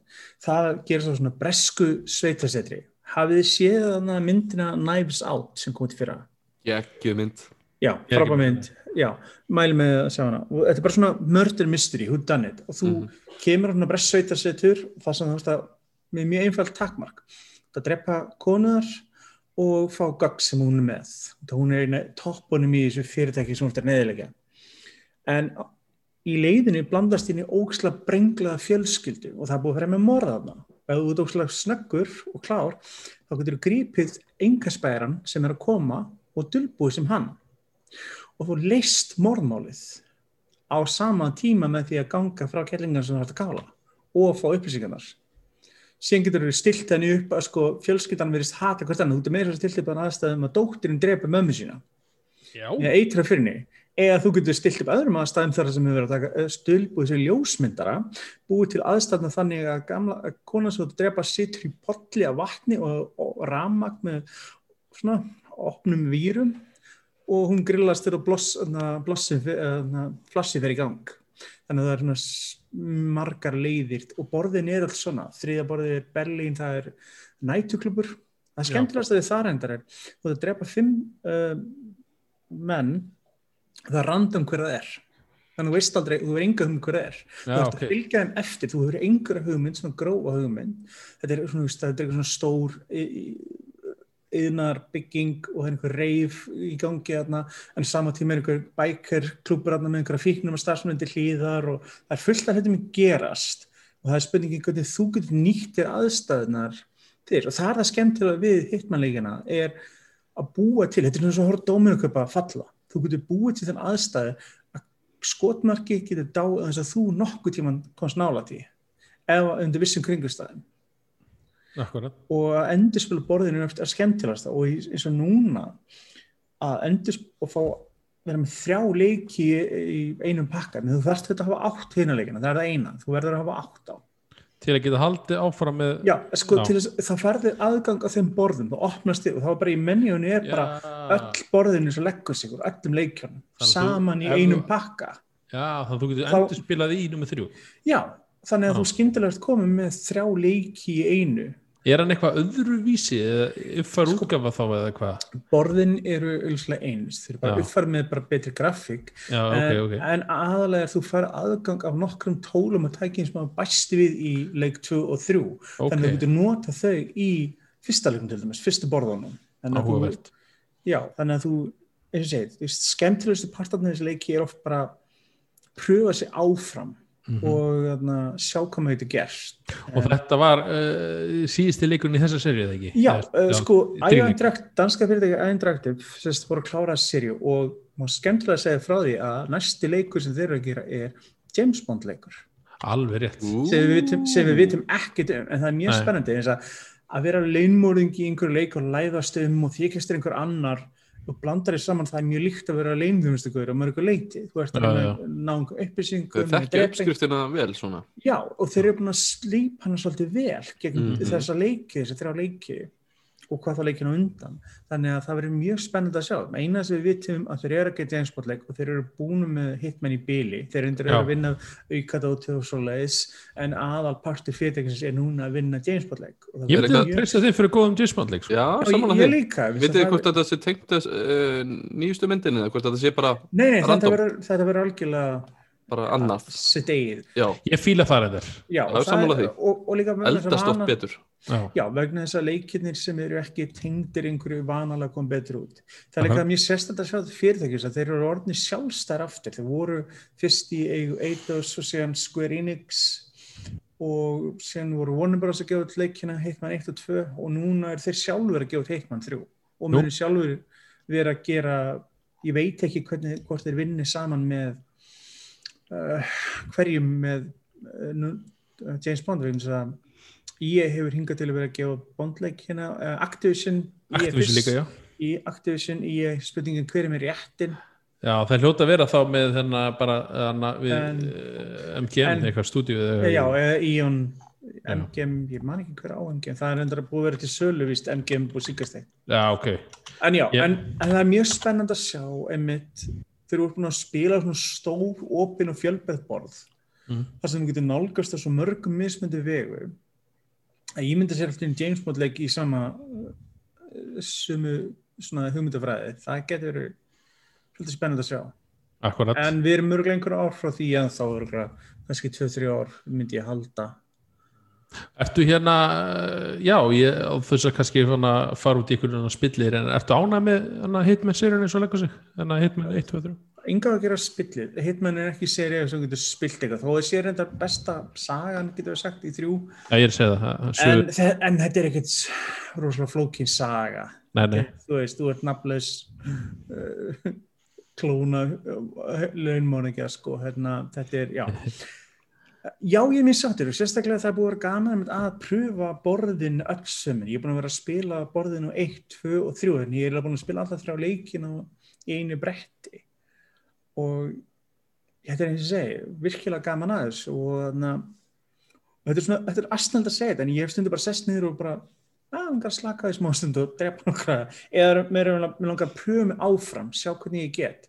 Og ég var að horfa að vídeo um hvernig gaur ekki er þess að eitt borð í leiknum gerist í Argentínu á svona vínrækt hann stundaði það ég er enn stundaði það að róta einasta karakter á borðinu draga hann alla karakterina inn í vínpressuna og kveikja á henni og drepa alla einu já, og ég Vá. þannig alla, alla gestina, alla vinnumenn alla Jesús karakterina almáttugur. og leikurinn, ég held að hann hafi næst í bráðnað sko, er er þetta hlaðarpórið bannaðan átján? já og þú veist, ég held að, veist, að þú sérði ekkert, það er ekkert ljótt það er ekki bló, mikið blóð, þetta er bara svo fyndi að sjá þetta, einhvern datt þetta virkilega og hann eitt einhvern nokk klukkutíma að fara ekki inn á all borðið, finna alla karakter og bókstala draga þá þangað, þú veist að draga karakterina Passa alltaf að enginn sjáu þið með að draga þessa mannsku Já, og sem bara bókstala að fækka þeim öllum niður og síðan að gera þetta. Og fólk er að vera að leika sér að gera þú veist, alls konar svona tilraunir eitthvað sem ég persónulega myndi aldrei gera. Alveg svo þú veist, þetta er svona sipað þegar fólk er að gera speedruns í leikim og ég myndi að vera að horfa á vídeo í gær á IGN held ég, þar sem framlendinir leiksins voru að horfa á fólk spila leikin sinn Mhm. og speedrun og maður horfði á fólk klára borð á sjö sekundum sem ég tök með klukkutíma kannski að klára. Ég er búin að vera að fara í gegnum allt saman og þau erum klukkutíma og stundum fara hlutin úr skeiðis eða ekki, þeir byrja aftur og þeir gera það sjö sekundum og þess að þeir eru búin að finna bestu mögulegu leiðina. En þú ert líka búin að spila genið borðin svo oft til að opna fyrir alla möguleikana vegna þess að setna með þú ert að spila borðin Mm. fyrst eru byrjað þú ert að fast, með fastan byrjunarstað. Setna mér opnast fyrir möguleikara byrjingstránstað þannig að þú veist þá þarfst þér að að opna fyrir allt en að geta tekið á sjö sekundum eitthvað sem ég var kannski klukkutíma og 20 minnum með, maður bara hvernig er þetta hægt sko? Það hefur hort á þess að speedrunner þetta er, er svakalegt, þetta er bara hérna, Þetta er ótrú- þetta er eitthvað en meira en bara Já, þetta er ekki skemmtun heldur, þetta er svona þetta er pínu svo ég ætla að hérna, komast upp á Everest eða svona þetta er bara málið, þetta er eins og uh, uh, uh, markmið bara. Hlust á uh, þú veist, uh, fram, uh, framleiðandina í Æjó var að tala um, já ég heiti ára að búa til borða og hann klára þetta 7 sekundum mér að pældi í þessi, ég er bara ára líf mín að búa til þetta borð og gera þetta alla þessa hluti og hann tók bara búið. En það er skemmtilega við þetta er að sjá alla þessa möguleika Já, akkurat. sem er, en já, ég, og segja, mjög skemmtilegur og Mælirinn með þriðleirum já, Þar, og vilt, þar, þar maður að vera búin að spila 1 og 2 þá maður að fara í 3 nei, Nei, ég myndi ekki segja það en það er ekki vittlust að pikka upp hinatveruleikina bara þó ekki sínum til að geta spila þá alla í engine 3 og líka hana eða þú ert á PC eða Playstation þá getur þú spilað 1-3 saman í VR það er sín önnur upplifun. Akkurat, alveg þú getur spilað uh, alla leikin í gegn og þá er allt henni hægt að spila Já. Ímyndaður hitman með PMV-vírin allt í henni er þú sjálfur að horfa á þetta og það er nýna álgun Já, ég hef ekki pröfað en mér grunna þess að þetta er sérstakt. Speedrun VR Nei, já, En, uh, já, ok, uh, já, ég, ég maður hefur svo svolítið annars spilað eitthvað þess að dana en, en ég get alveg eða, eða kem einhver svona complete útgáfa, fullkom kláru útgáfa með Þa, öllu það, leikina er, það er ekkert svo ólflögt að verða mitt núna vegna þess að Já. nú gefa alla leikin út. Já, og eina sem þú strefnilega að gera er að gefa út útgáðu þrjú með kóða fyrir 1 og 2 í og Já, eiginlega, downloada þeim borðum og búm þá þá, er, þá get ég með þessi bara selta 40 dólar þegar og og það- segi, þú veist er alveg græða ennþá meiri á. Og ég er Skemm- akkur að gefa þeim þessu hugmyndi. Skemmtilega við það er að IO gefur það sjálfur. Þeir hafa reyndur að klefver, þeir hafa gert það fyrir fyrsta leikin og setna leikin, þeir gáðu fyrsta borðið frítt svona, þetta er svo gamlu góða dagar Já, þegar maður- svona sem svona sér, já, svona sérverfýringur þú gáði fyrsta borðið og hvað ég sakna þessi mitt Einmitt, þetta er þegar maður svona gæti fengið aðeins að prófa sko, Já. maður prófaði kannski á einni viku maður prófaði eitthvað 20 mismundi leiki og einn Mhm. þeirra var leikur sem maður bara hei, wow, ég er til ég að borga fyrir þennan. eins og þarna, þú getur spila fyrsta borðið í fyrsta leiknum og vildi fyrsta borðið í setni leiknum núna. Bara Steam og downloada og byrja að spila þetta núna og vildir það. Og það myndi gefa fullkona hugmyndum hvort, hvort þú fílar þessa leiki ekki en það er Mhm. endur góð leið til þess að þeir sögðum döða eftir að gera það mjög margir ég var á heimildamundur stutt síðan sem uh, NoClip gerði um Hitman og þá höfum við voru að tala um þetta eftir að gera þetta að það var út frá margir sem bara snýður sig og keiftu allan leikin En hérna, er, er þetta svo sem tala fyrir Agent of John er þetta uppröðinni svo sem verðarann eða? Já. Fóru ekki fyrirlistinni mitt með hann á Jöp, jöp, nákvæmlega. mjúka rettin hans uh, hvað, David Brabben heitir hann uh, held, held hann heitir það. Já, Já, hann, hann er mitt uppn að ratta alla Hitman karakterina, ég myndi að kíkja á gamla Hitman leika já. hann var næsti búið að skipta nú út þegar Hitman Absolution gerði. Hann talaði mitt um það á, á, Já. á kynningunni. Það, það er mitt máli og na, það er meira að segja sko, hann er, er einu leikur sem hann uh, mókapaði ekki sem sagt Karnir, annar leikar en að gera það. Já, hann, þetta átti var- upp, hann átti upp en, vera, en þeir sáu að sér allar lukku um að, að Já, svo hlustendur vitið þá var hann síðast á Midgard hann að rástörnin sem var haldin í hann að uh, hann var ekki lögðarsildri, þetta var í fífur David, David Bateson fyrir ekki. David, hann er svo já. flott að það 2019 þá, var ekki, það var sleppt Jú. 2020 já. Já, já, bara það það var, þegar lífið var einfalt og við gætum bara út og hitt fólk þá já, og vondi verður aftur. Já, það Midgard með pott ég lifa áfram, ég bara já, já, já, já, já, já. þegar þetta var allt saman komið. Akkurat, en eins og segja, ég er mjög spenntur. Ég, ég hafði mjög gaman ég myndi fór kynningun og hlusta á hann og þessi maður er með svo skemmtilega rödd ég ekki svara, það er hann fáið sem ég sopna allir salurinn? Já, sopna, hann lætir þið sopna, sprautar þið með einhverju en þú miskosti farið skemmtilega rödd að hlusta á meðan hann er að ganga frá þér sko. Hann er með Þú ert aldrei svo bjart sýt sveit og mikið, og hitmenn fyrir uh, sveitn ég er búin ég er búin að drepa svolítið mikið fólki búið síkast, ég skal vikina það, en alla í tölvuleikum, Já, þannig að, að hei, hann leik í borgen, ég er sko IMDb-as, ok, hann, hann er búin að búa svo lengi í Danmörk, þessi hver, akkurat. Svo hann sé frá Suður Afriku, þá er hann að búa ótrúlega lengi í Danmörku. En já, við En já. punktur uh, ætla að koma að þérna Playstation 5 uh, selst vel, þeir hana voru með ásökjur hana, hana, Sony og hún er búin að seljast í 4,5 miljón eintök uh, á heimsvísu. Mjög flott. Sem er bara, bara mjög gott fyrir Playstation 5 uh, væri regla Hvað þá meira og það er ekki hægt að finna þessa Ég er að segja, ef það væri hægt að fá hana, að fá hana þá hérna, sé, það er kannski einu hömlunin að því hérna, já, hvað Það var segir svona þið? takmarka líka frétt af því einhvern veginn Já, ég var að Þetta er, já. þetta er vandamál virðist vera hjá bara uh, örflögu framlöndum í Asi, vegna það er vandamál að þetta Playstation-film, það er vandamál að þetta Xbox-film og það er vandamál að þetta skjákortum.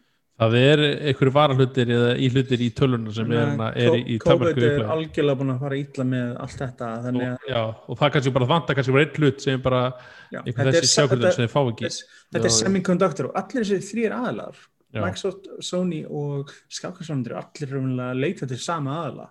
Akkurat, maður heyrir hérna að þú veist áttu að vera að vona á sendingu í februar það, það yfti allir aukslu núna, maður veit ekki það þóra enginn að segja nýtt Já. Svona breytist þetta bara. Februar hálfnaður og já, Já. maður var að vonast að myndi vera einhver jákvæða frétti fyrir fólk. Já. þú veist, að, ég er bara, já. ég bara vorkinu svo fólkinu sem að, þú veist, var kannski svolítið eins og ég, ég var svona að hugsa hérna, já, já, á maður að kaupa PlayStation 5 eða búin að býða bara smá þú veist, bara kannski 2-3 mánuði Já, en þú veist, þetta fólk sem að ætla að kaupa PlayStation 5 en kannski ekki akkurat á lons Það bjóst enginn við þessu Nei, ástand. það er svo leiðilegt að lendi í þessu maður, kannski þurfa að býða í þú veist, einhverjar fréttir og tala um bara marga mánuði viðbóta að Ég þessu menn það eru skorti. margir sem hafa lendið um því sem kaupa vélina um vorið eftir eitthvað svoleiðis, nokkru mánuð eftir og að þá komið fleiri leikir og svoleiðis og er einmitt- algengt að mynda fólk gera þetta.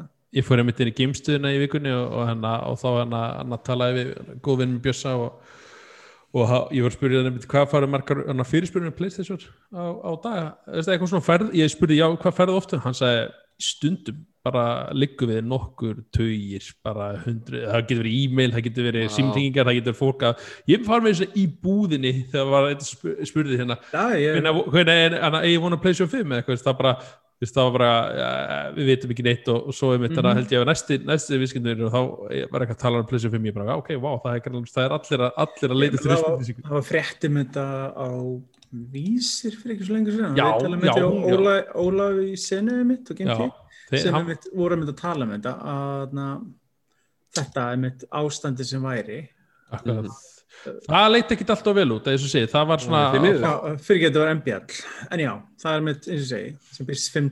februar mm, en þetta er eins og segið, sérstaklega aðstæður og maður vonar virkilega bara aðeins að róa til og hvað þá að minnst ekki hérna en ellendis að þetta skarpingd út að þe- þessi hópar sem eru vanlega að ná öllum vélum eða skjákvörtum og hindra að fólk sé kaupið á vennilega verði í staðin fyrir sem er ótrúlega leðilegt já, sem Það kannski verið ókslega spennt og ég veit um marga svona yngri sérstaklega, þú veist, við erum eldri og höfum svona kannski aðeins meiri valkosti.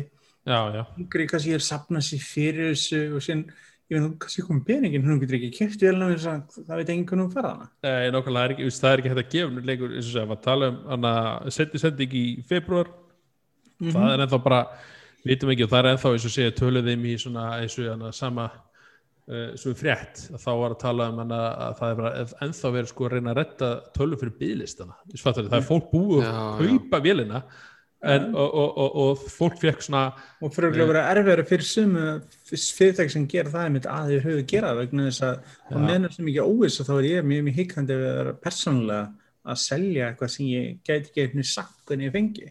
Já, ég, Það byggðlisti virkar Já. kannski þannig svo sem, þú veist að já, já, þú, veist, þú færir þetta á endanum, að ég meina á endanum fá allir PlayStation 5 tölu sem Þetta- mun- en mun skána, þetta mun Já. einhvern tímann skána og þetta verður betra og það verður reglur frambúð, síðan eftir einhverja axlanga tíma þá verður hálft ára ári viðbúð pluss eitthvað, þá verðum við ekki lengur að díla við þetta, heldur verðum við meira að pæli já, hvað er einhver að koma út, skilur Já, En- og en þetta næsta- mun hafa svona áhrif á mitt á leikina þess fattar þess, það er þess að leikir eða annars getur koma þetta leikir út en, en ég fór með að spyrja hérna í gefstir hvernig, hvernig hann að vera að seljast í leikinum og þess að verður náttúrulega er svolítið pása eða þess fattar að því það er eða, eða tölvan verður að koma jafn til þér þá væri náttúrulega væri meir hreyfing á, á Já, hvernig, hvernig allir þetta verði samt að því nú horfðum maður uh, svona sorga, svolítið sorglega á, á hérna vídeolegur og DFD leigur vera svona hverfa með svona bara Netflix og öllu digital. Og nú er þetta svona að fara að detta í, í tölvuleikja heiminn þú veist maður sér digital útgáfunar þær eru að seljast sínismanni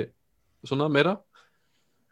Að, að Það hér á landi en, en, en, en ekkert endilega í, í þetta bandaríkinu er meira diskandrif allavega. Sko málið er það ennfandra í dag er að internet, þú þarfst að vera með góða ting, við erum Já. góðu vani ég meina við erum að horta þess, við búum nú á, á Suðurlandinu allir.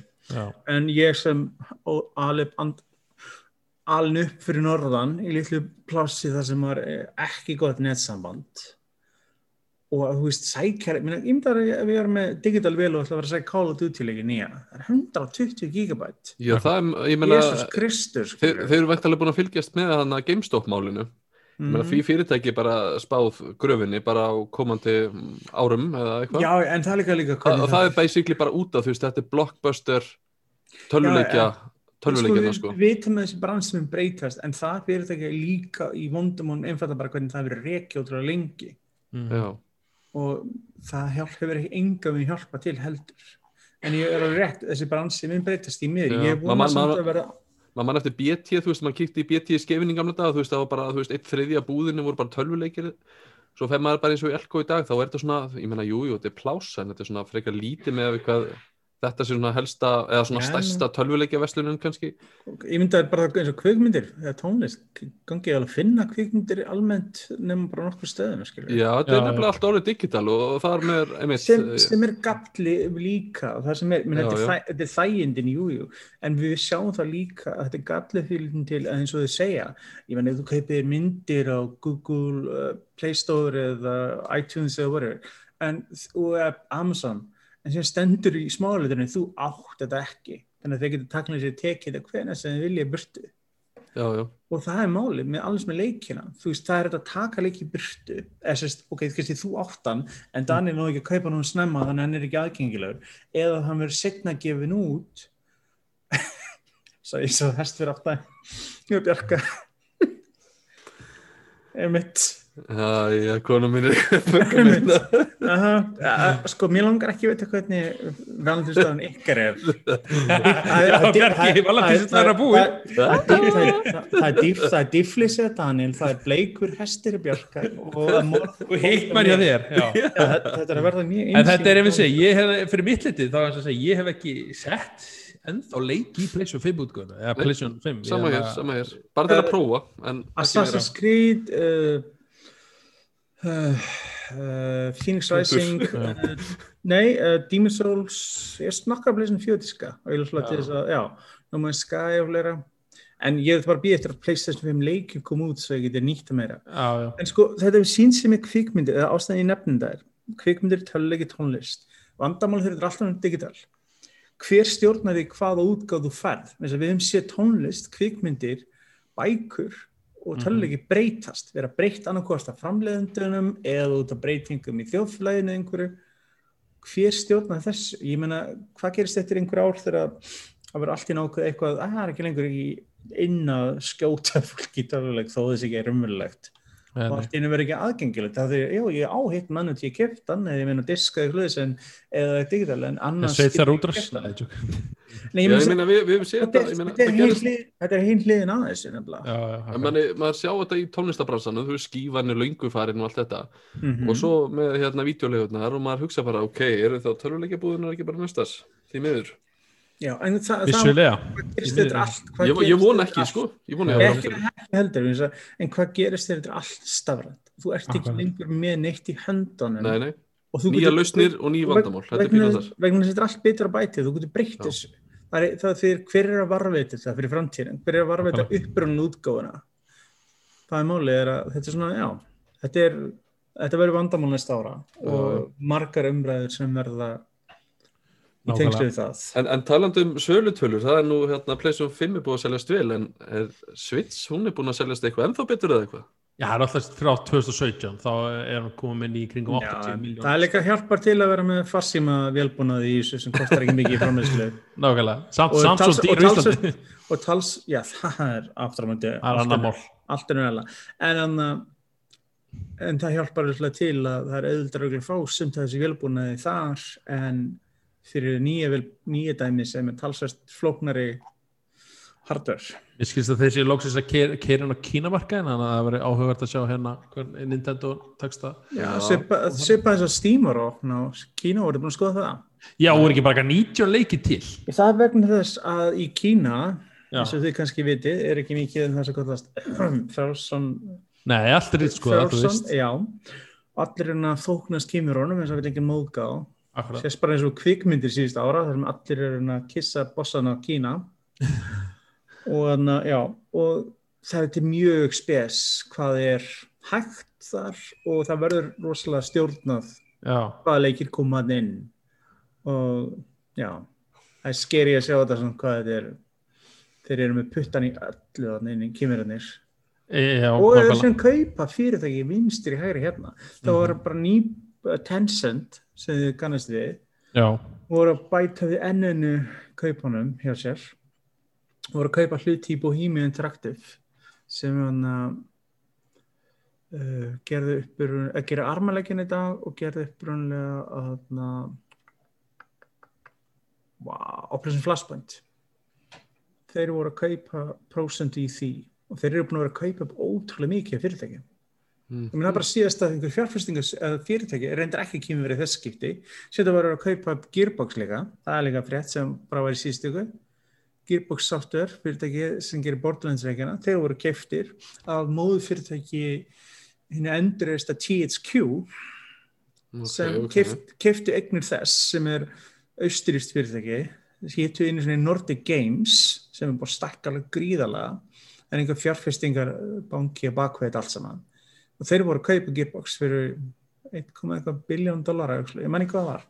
En, þannig að þeir voru að bætast í fyrirtækjum sem voru seld. Embracer Group heitir þetta alltaf eitthvað svona grúpa sem þú veist er utanum þetta allt saman.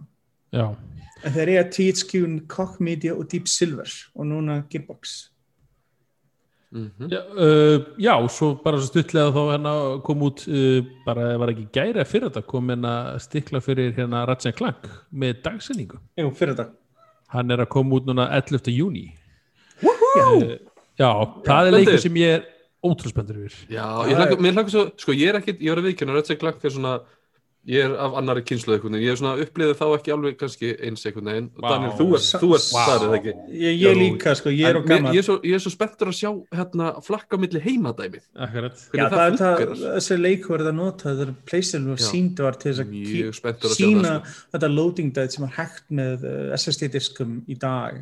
Já, uh, og ég segi, ég er mjög spenntur. Það er þetta eina, það var uppröðin að tala það ekki að nætti að koma út á PlayStation og PlayStation 4 og 5 en ég er á það hefur komið aldrei, eh, aldrei hann ekki með þess að jú, en, jú, já, það var hann, hann en það það kemur ekki óvart ef það kemur þá einhver önnur útgöf fyrir PlayStation en ég er að vona að svo, eins og segja, þetta verður bara PlayStation leikurinn þess að hann er mitt nýti fítsuna frekar. Ha- hann var eini sem var anna, nefndur Jú, það ekki það Ræsson allir hínu voru já, já, já, 11. júni fín dagsending, maður eru svona flestir komnir í eitthvað, svona sumafrí eða eitthvað og já.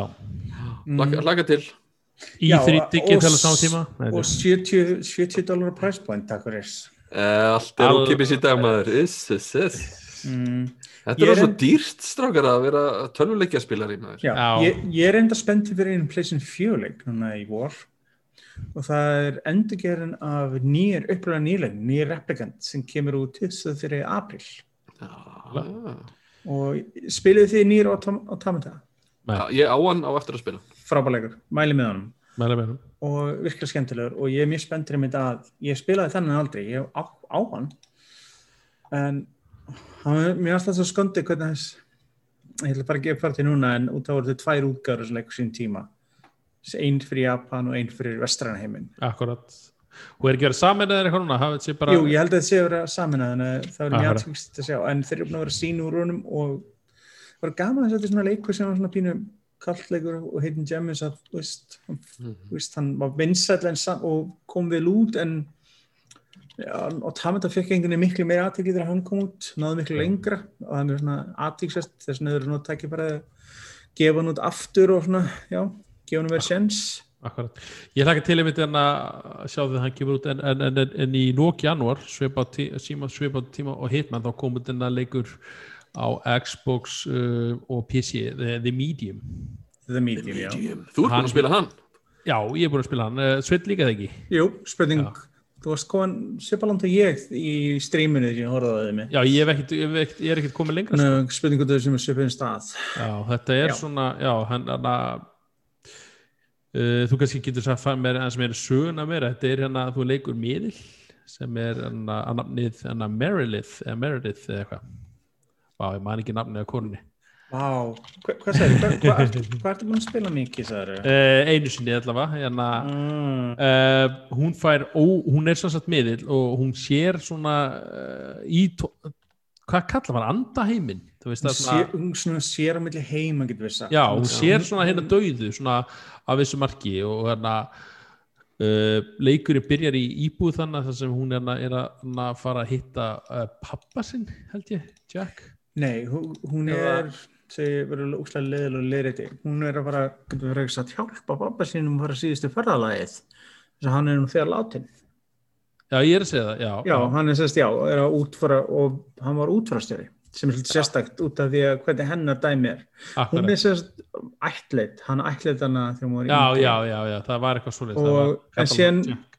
At, er aðbröðsum þannig að hún verður kölluð fljóðlega til svona gamals svona, hvað það segja, ferða eða svona ferðmannstað Mhm. þetta er þetta skondi leikur með útleitu þetta hún fær hún fær einmitt óvænt síntal frá Já. hérna sem hérna, veit ekki hver- einhver sem, sem veit hver krakka hún er. sem manneski sem, já, örgulega tengingu við munaliskjari sem hún var Já, og e- veit hver hún er og, en, en er hann eins og segi, það er ef eitthvað morframið eða, eða stelpa horfið að, að, að dá og það alltaf Já. kanna það og hún svona ákveður að verða því og þetta leikurinn fer svolítið þannig þá hann, hann gerist hvað í Rúslandi eða Pólandi Pólandi, Pólandi, Pólandi, Pólandi. Rétt, já. Þeir eru pólst fyrirtæki sem Pólskt gerir leik já, og það sem er aðtíksvæstin leik er það að hann, sé, hann gerir stundum á, í tveim heimum á sama tíma og þú Akkurat. stjórnar þess personni og þú ert að hreyfa hana og hreyfist á sama tíma nákvæmlega eins í báðum heimum.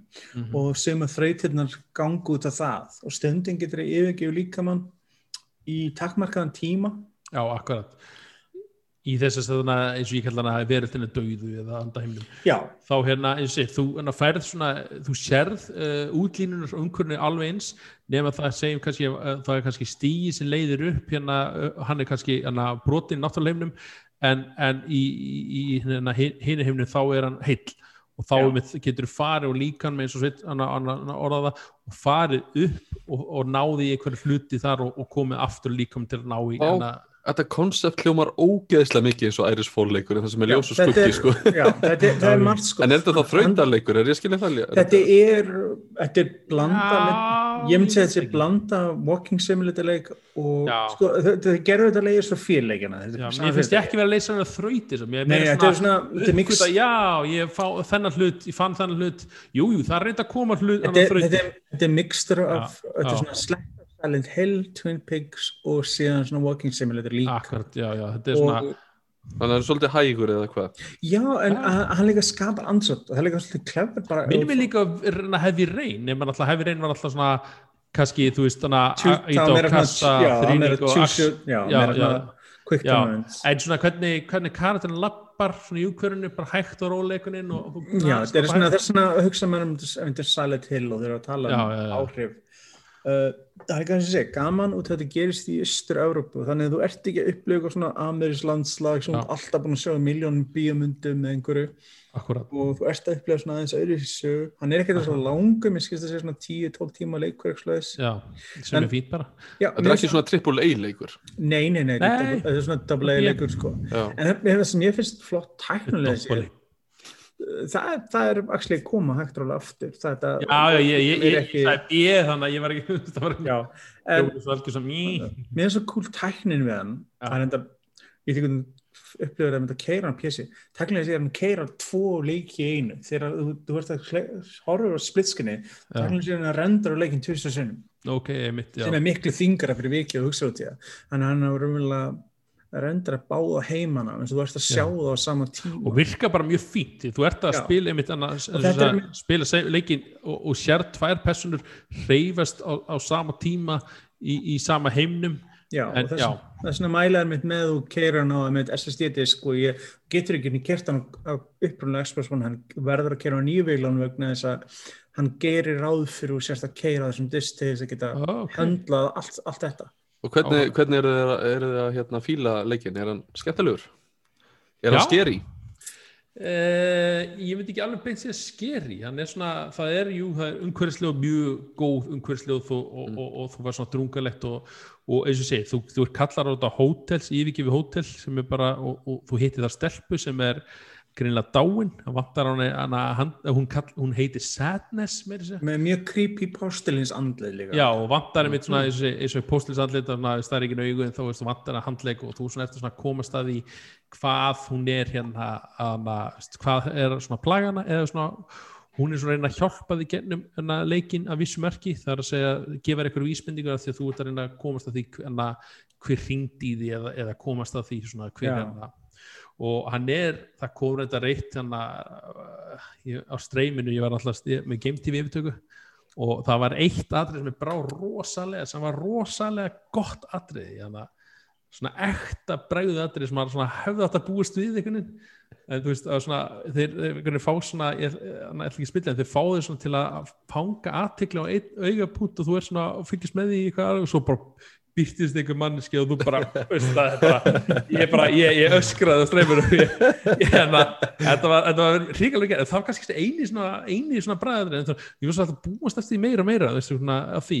Já, því Eh, að þegar maður hugsa um þess að um hvað leikurum fjallar, þá hugsa maður um svona svolítið skeri stöf eitthvað. Svo kemur hérna, kemur einhver svona, einhver endakall svona, sem hérna, ég hitti eh, sem ég svona, ég sem er svona fara með því gennum svolítið veröldina uh, já, þú þarf svona þú getur greinilega ekkit svona skaðan eitthvað svona, ekki svo ég viti alltaf eins og er. Og, og þú þarf að passa við að hann sjáu þig ekki, þú veist, þetta er svolítið svona sneak up líka, þú veist, þú ert að svona fara. Mhm. og, og mér fannst það ekki þannig sem skýri, hann var aldrei svona fannst, hann var greinilega að fara eftir einni braut bara, þú veist. Já, já, eins og oft svona, er í svona já, þannig að- að þau var svona, var svona pínuð að útrýna. En, en að vísu svo koma atrið sem er, kannski er eldaði og þú þarft að hlaupa og, Þannig Og þannig að þú ert ekki með einn vopni eða neitt svona? Þú ert, þú ert meira að forðast hætturnar. Já, þú finnur Já. svo hluti í umhverfinu og, og þarft að samina þau í, við annað til þess að eins og svona í þennan andaheiminum þá eru ákveðu svona svæði þar sem er bara svona skinn búin að blokka svona í stæði fyrir hurðar þá er bara Já, skinn. mjög ógeðfælt en rosalega vel, vel gert rosalega dítilað já, þú fær svona, hana, hana, hana, svona hvað er það, rak, vilja blæða rakvölablaða svona já, og old school þetta rak- skera rak- það og hljóða þú veist það svona maður er bara þá er alltaf búist í ykkur rosalega að gera svona, ég verð ekki ok, leikur að fara að bregða leikur að fara að bregða, svo, þú veist þessi en Já. já, já, Þetta er eins og segja, þetta er smarri leikur og smarra stúdíu og, og og en það er mjög klefri það með, með að vera með hann Game Pass til dæmis. Já. Þú getur Það- þetta það- þetta keft hann á venjulega á Xbox eða á PC á Steam þess vegna vilt en þú getur líka bara já, ég, ég held að sjá 50 dólar en þú fær hann inn, inn í fali inn að gera svolítið bara fritt á Game Pass áskriftinni. Ég meina, það er Og- mjög góð leið til þess að setja, leikinn fyrir framann ótal fólks manns sem í einu, sko. Sem var til þess að ég náttúrulega gerðist áskrifti aftur að þegar ég geta spilað þennan leik og, og það er upp á það, upp á það að gera sko.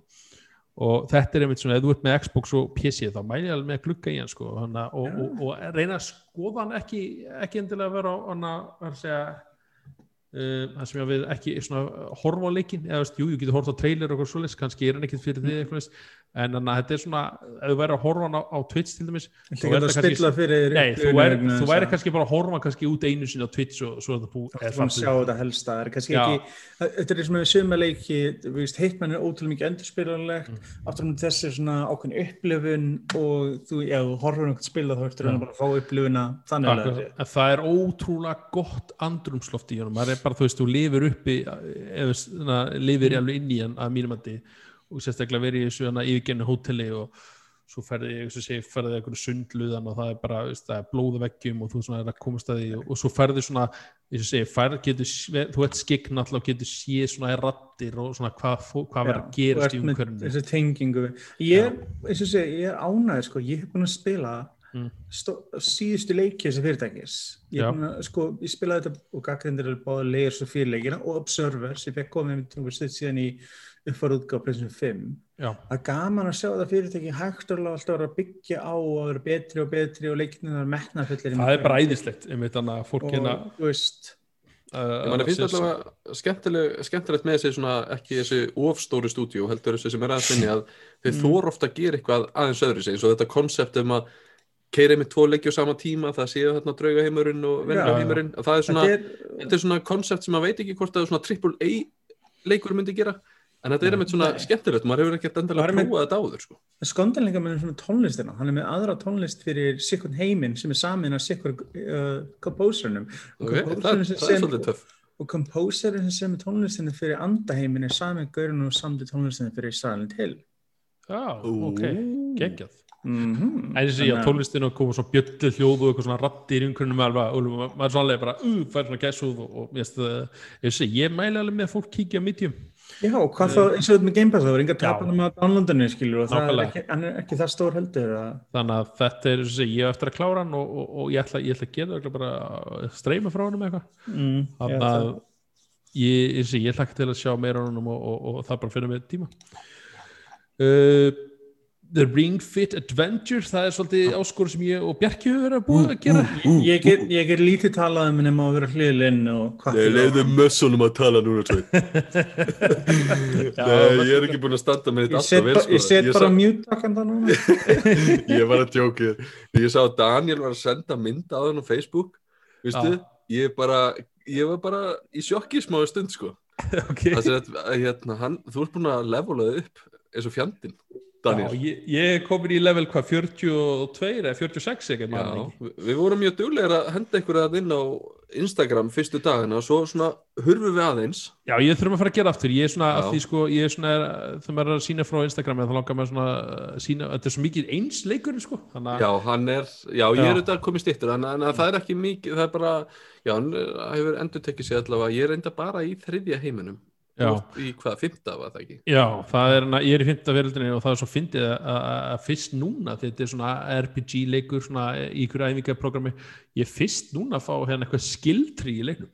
Alveg það er ekki fyrir level 40 sem svona velur svona já, þá að bústa eitthvað þessu eða þennan þennan, ég bara ok, þú veist. Hann, en ég er á, á það leveli ég er, veist, ég er svona til fann að því leikur segir, þú þarft að uh, mæli með því að þú sért level 25 til að í þetta borð og fyrst var maður alltaf level 23, þú veist maður var alltaf undir.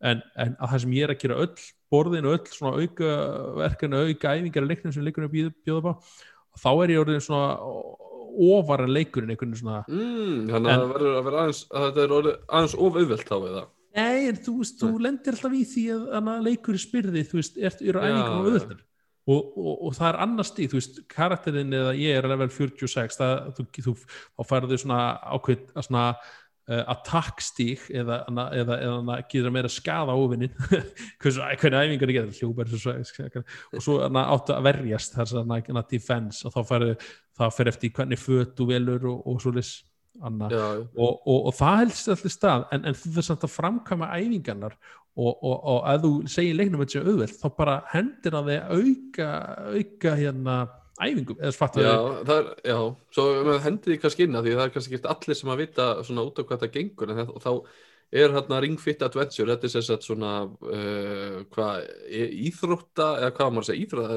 reyfinga reyfingarleikur ykkur, Já, hreyfingarleikur, já, mark, aðal markmiðið er Já. í rauninni að fá mann til að spila hann til að hreyfa sig já, en það er svona miklu meiri áhersla lögð á tölvuleik í þessu já, versus til dæmis Wii, U, hvað heit það, Wii fitt Wii Fit, Fit, já, já, já, Uh, þar sem er meira svona, herðu, nú ert að skokka nú ert Mm. að gera þessa æfingu, þá er þarna meira svona, herðu, nú ert þú að hlaupa hér í já. þessum æfintýri heimi, þannig að þá þarf maður að hlaupa í alvörunni. Hei, nú ert að fara að berjast við óvinni þá skokka þarf þú að gera æfingar sem að einhvern veginn uh, skada óvinnin þannig að þú ert í miklu meiri tölvuleik en, en kannski er á Já, byggi sko. það er eins og segja, þessi æfingarna verður alltaf flóknari eða ekki flóknari verðveri svo núna, nú er að- ég var alltaf að gera nebegjur eins og leikurinn gera og nemur þær vel en nú alltaf í dag verður ég fann að gera gleiðar nebegjur og ég bara eftir session það, ég er að kálast í löpunum veist, að ég þreyttur það er bara steipa þreyttur og ég er að, veist Gleiðar hnipir og dýflissan, ok, nú er alltaf hann eitthvað sens.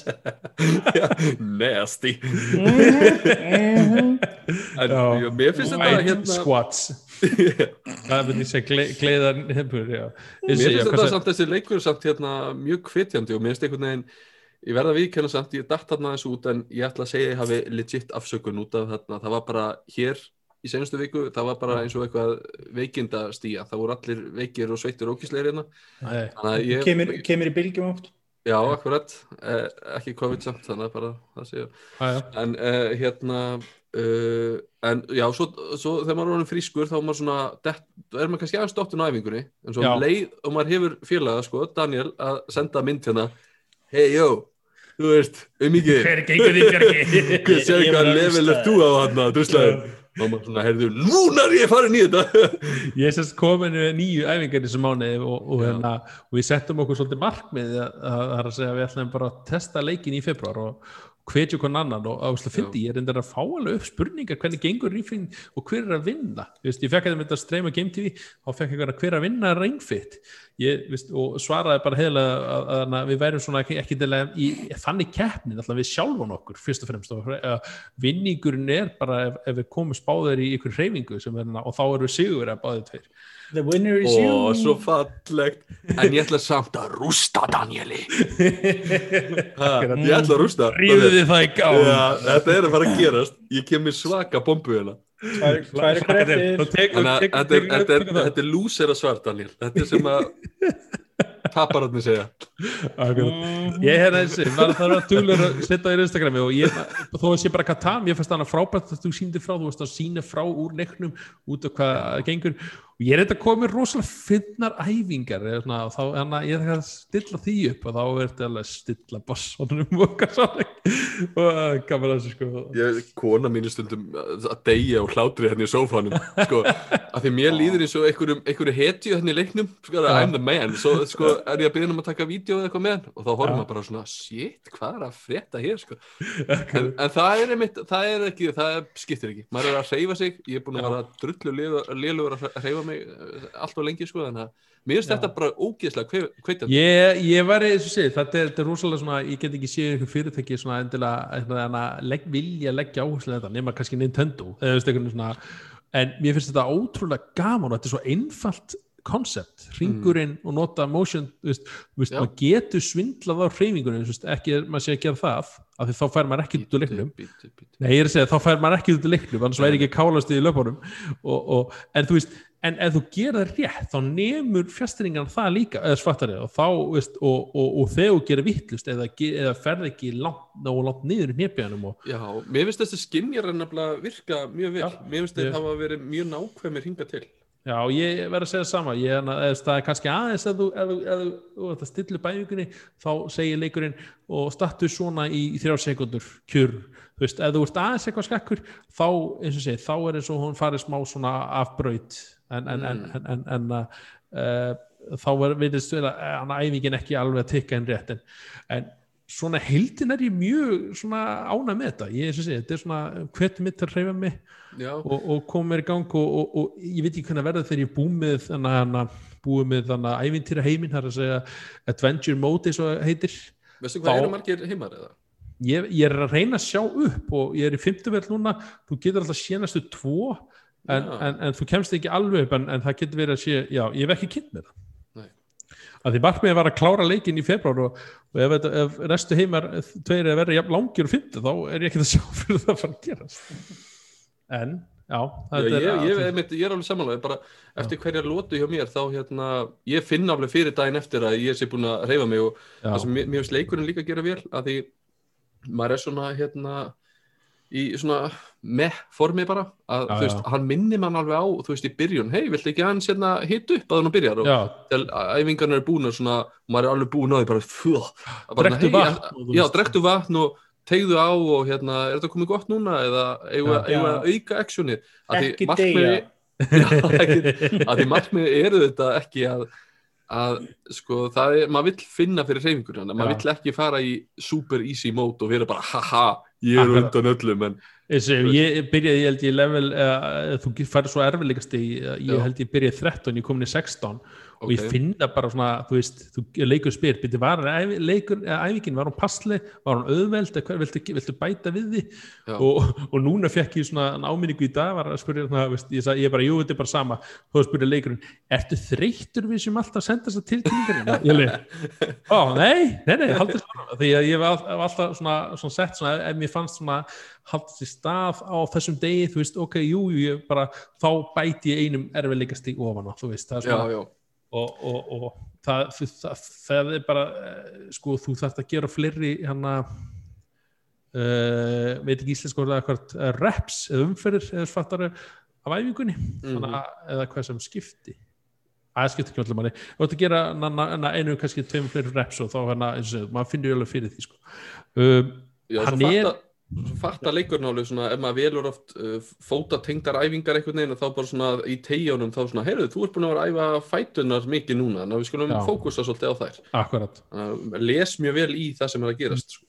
leikurinn uh, eins og hann kostar einhverjum 16.000 eða síðasti vissi, kannski er hann búin að hækka, Já. veistu það eitthvað Sko ég keipti hann á 15 og 16 gegnum hérna Cool Shop en mér finnst að vera að flakka svona frá því verði og upp í sko 20, 21 já, ég, að já, já. Og ég sá Finnst að það Ormsson var með eitthvað tilbúspakka á sem sagt tölvunni með ringfitt Já, ég veit ekki hvort það var Og er það svolítið erfitt að finna hann leik í ykkur fyrst mér. já hann er, held ég, ég held að þú getur alveg kifta núna, sko, eða þú veist, ég held að til Jónsson og, eða, vissi, hann er allavega á afslætt á þeirra og, og og segja, það virðist vera, það var eitthvað erfið framleysla á hérna á ringnum eða ég veit ekki, ég sá svolítið eftir því ég var í bandaríkunum mitt fyrir árið síðan að þá var hann til í Nintendo búðinni og ég ákvað að kaupa hann ekki þá. En svo kipti hann í ágúst þennan veist, hann og ég á Elko. Og hann, að- hann kemur reglulega og, og greinlega virðist vera svona þú veist uh, það er ekki eitthvað, fólk er ekki að rosa missa sig yfir, yfir ringfitt en ef þú vilt eitthvað svona til að bústa þær áfram og, og, og gera þetta svona öðru í sig þá mæli ég meðal með ringfitt Já, Ég- ég er alveg sammála, þetta er hérna já, Einmitt, uh, maður verður líka að horfa, horfa svolítið á þetta í þessu samhengi, þú veist, ok, hérna fyrir tölvuleik sem er kannski ekki, þú veist, uh, Assassin's Creed í skemmtun skilur eða eitthvað Nei, svona, nákvæmlega. heldur þetta er svona allt öðru sig að þá hérna hljómar þetta eins og þetta sé mikið, 16-20 skall, en ef þú berð þetta samanlimist bara við, þú veist, mánar að tvekja mánar hvort er líkasrækt og þú ert kannski svona slappur að reyfa sig eða eitthvað, já, já, að þá er þetta híklust bara málega að prófa þetta, sko. akkurat.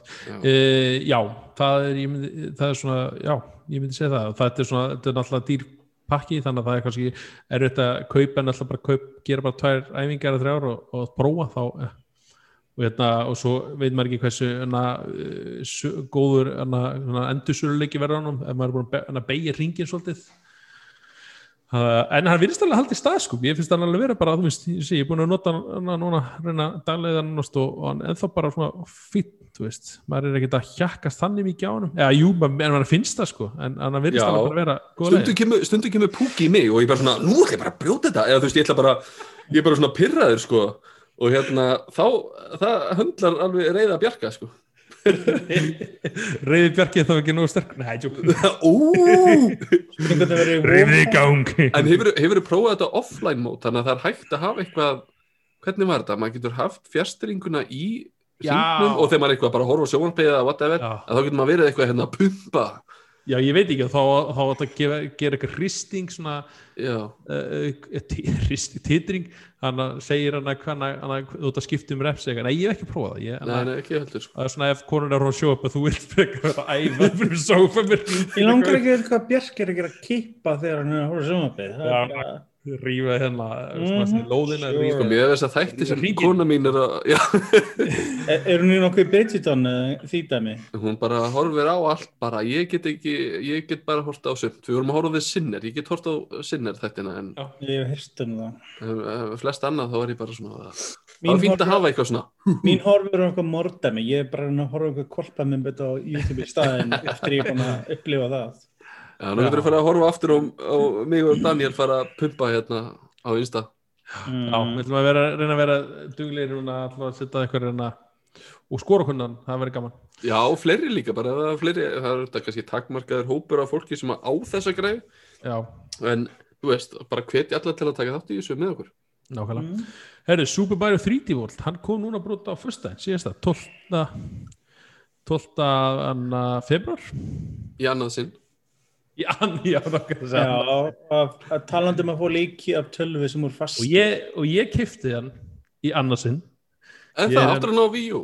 Já, ég Ó, ok. spila kannski, kannski fyrir fyrstu tvo, þrjá heimana en Ég á hann á það- Wii U en hef aldrei klárað hann. Já, Fannst einhvern veginn ekki skemmtilegur þá jú, Jú, jú, bara- Já, já, Bara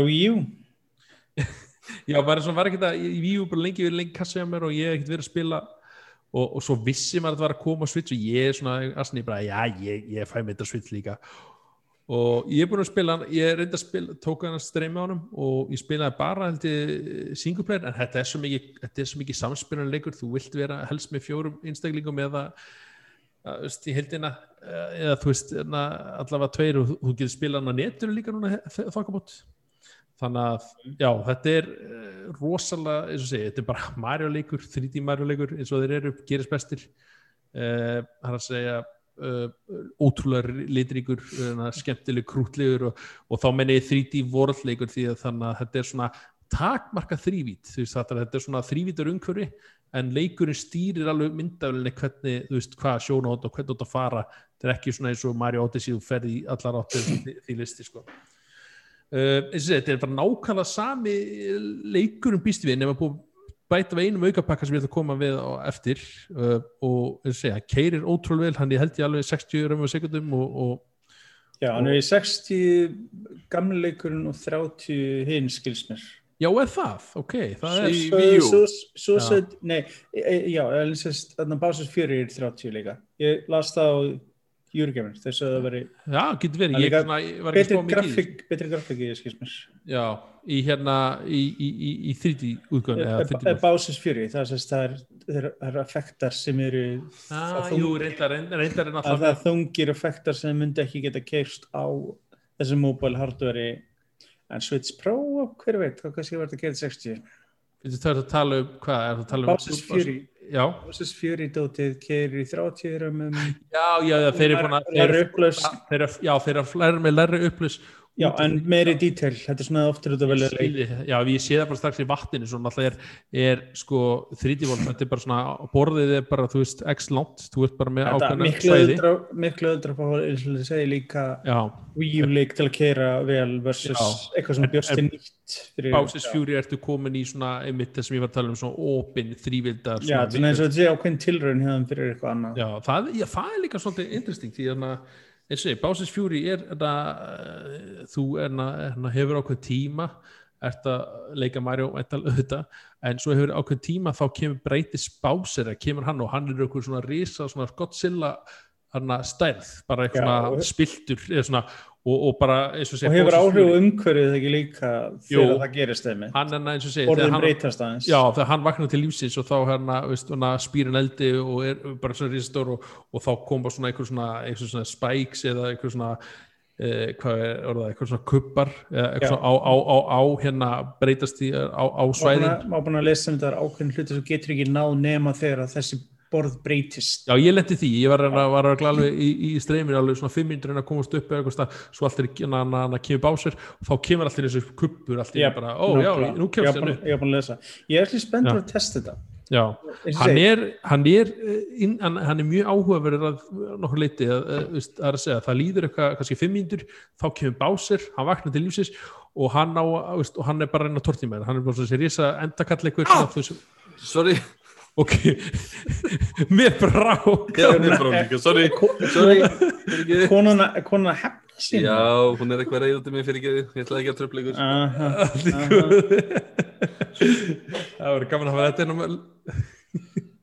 en allavega, ég, hann að hvar var ég já, þess að segja, þá vaknar hann til lífsins og hann er þessi risa Godzilla endakall sem þú getur ekki haft áhrif á þannig séð, nema þú ert að sapna einhverju kattarmerkjum sem er svo stjörnur í venjuleg súmærilegum og þegar þú sapnar ákveð mörgum kattamerkjum og þá hann, hann sapnar orku í vita og vitin hérna hann skín ljós og þá hann hata ljósi greinilega og hverfur. Og þá byrjar aftur þessi tæmer þá þetta er eitthvað skel í vatninu sem svona rís upp hægt og rólega og þú sér það skelin fyrir svona að byrja að snúa hraðar þá veistu að básir er að koma svona og þá alltaf byrja að regna og þá breytist tónlistin. Þetta er alveg svolítið svona þetta er svolítið klefver svona, já, þetta er svona það verður gaman að sjá hvað, hvað það er að gera með þessu nema að þetta sé bara, þetta kannski verið þetta gæti vel verið, þetta sé bara eitthvað prototýpa sem þeir hann gátt ekki notað, bara hei setjum þetta bara í samblanda þessum leik. Við getum alveg trúið því líka sko. Og, og, og, og ég skilt að sé ekki það stór, löng, svo útgafa, útgafa. nei, þetta er bara svona viðbútt Já, ég, ég, ég, ég, ég, held, ég, ég myndi ekki, ég er náttúrulega búin að spila smápart að því, ég held að þetta sé ekki leikur sko að þú ert eins og búin að fullklára Wii útgáðuna og bara sottu með og langar ekki svits, þá held þetta sé ekki svona að þú verður að regnast hennan út af Bowser's Fury er í þessu líka. Ég ætla, ég ætla einmitt að fara að spyrja að nákvæmlega þessu Já, En ég,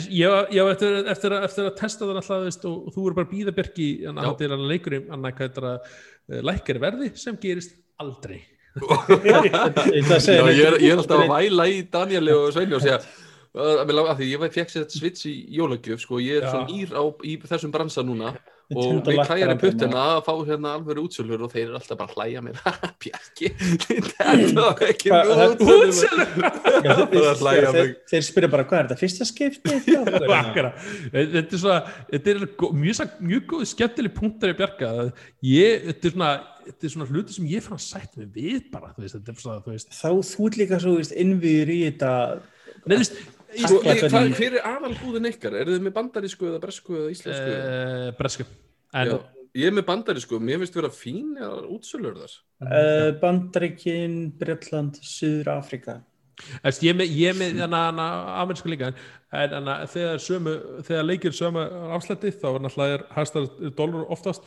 En ef þú ert að kaupa full verið þá er það bara oft bara muni kannski nokkur bara þú veist, Þú veist, ég, ég kipti þarna, hvað heit þessi uh, turn-based leikur hérna með kanínunum uh, Super Mario Rabbids Rabbids Já, Rabbids þú veist, ég kipti hann á 75% afslætti eða eitthvað. What? Mm. það svo nátt niður. Það er vegna þess að þetta er ekki gefið út á Nintendo, þetta er Ubisoft leikur. Já, er það? Yep. Já, ok, ok. Þetta er Það náttúrulega er Ubisoft samstarf er Ég en- Mario, Mario uh, Maker 2 sem by the way er ekki eins góður í Switch eins og í Wii U út af skjánum. Yep. Að mér Það hendaði sé- miklu það sé betur að vera með pennan þetta er bara, ég er ekki að fá ánægju af því að nota hann í Switch en ég Svo geti hann á eitthvað 25% afslætti það er mæst hæsta sem að svona Já. veit, uh, Þetta er ekta Nintendo því miður er búin að vera lengi vandamál. þetta er svona þú veist svona, já, þetta er svona fyrir mitt leiti bara þarna, uh, þegar ég segi sættum við þetta, þetta er bara svona ég veit að Nintendo er ekkert að fara að breytast. Þetta er bara svona, Nei, nei. það var hvað og en það er það sjaldan leikir að það er ekki eins og maður sé eitthvað að nenn að býða maður bara svona kaupir þetta því það kemur ekkert annað nýtt í nokkra mánuði sko. akkurat. Sér þetta leika hvert allar annað að fara á Nintendo leikin eða? Æ, nei. já, akkurat.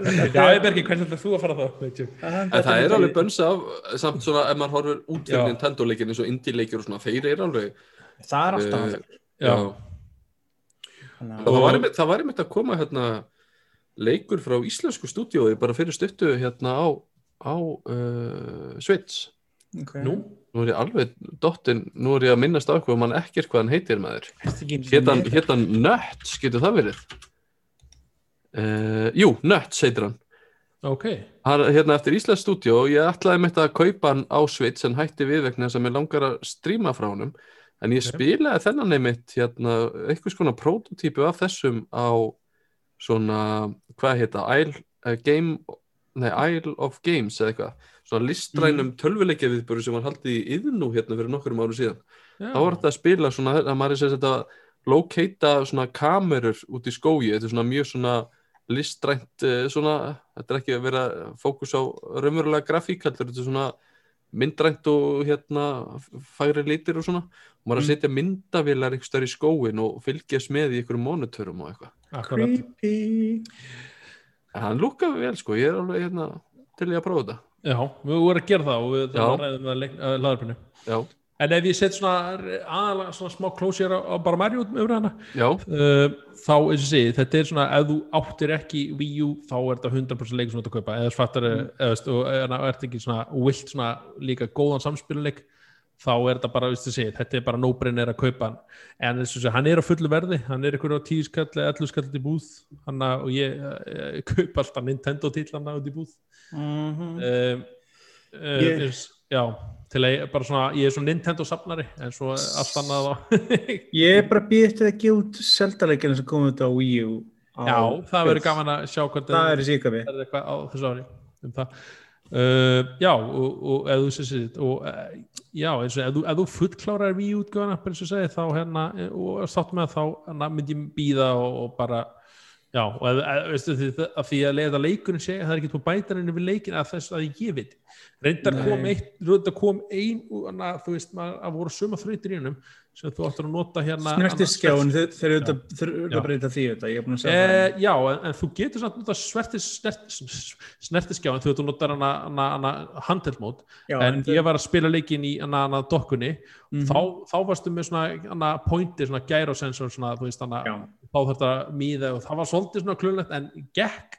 En þú ert að hoppa á okkur plattform og ít og taka hann saman tíma og passa bendillis í akkur þannig og það var svolítið svona flækist fyrir mér Þetta er alltaf vandamálu að færa leiki sem þú tekur að gemmi ekki einhver tölvu. Það er alveg svo sumi leiki sem voru á PlayStation Vita sem bara fastir sem hafa verið gaman að fá yfir, voru notuður rosalega mikið eitthvað svona dót.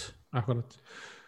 En að öðru liti þá eins og segja, mæli ég með honum um, ef þið hafi ekkert verið að sn- að snerta hann eða, eða eigi hann alveg eftir að ví- á ví, þess að ég, ég var búið með einhverju tvæ verildir á víu og svona, Mm. svo er hann bara víu bara einhverju í mér. En að þeirra komur svits núna þá láka mér rosalega til að og ég hlakka rosalega til að spila hann gegn með korunni og hann er rosalega auðvöldur að grípa í uh, já ég, ég tek alveg undir með, með hérna, leikin, ég sett að klára hann alveg á Wii U Já. og hérna bara mjög skemmtilegur klassísku leikur. Ég, næsti svona plattformuleikur sem ég spilaði eftir Super Mario 3D World já, var hérna Sackboy. Sackboy. Og þá sá maður eitt sem að Sackboy gerði margfalt betur. Ok, og það var uh, co-opið í co-opinu í, í, í hérna Super Mario 3D World þá eru þeir sem er að spila með svolítið fyrir. Þess að það eru sumir Þeir sum eru svæði svolítið- sem er svona hægt að fara á. neða þú bara svona, ó, fórst út á skjánum búp, mm þú veist, menn í Sackboy þá færði að vera meira með. Já, það er sér, kópi mitt í mörgum að þá er player 2 bara svona, eh, þú ert þarna en þú er ert eins og í- húfan á Mario. Þetta er eins og í Galaxy, þú gæst verið að bend hjálpa hann á einhverju shines eða maður stuði þarna starbits en Já. Play 2 var hálf gagslis öðru leiti. já. Herði, já, það er svona eiginlega komið að lokum á, á þessu hættinni, maður langar aðeins að koma að þennan leikaravalinu fyrir HBO, Anna The Last of Us, þá hvað er því?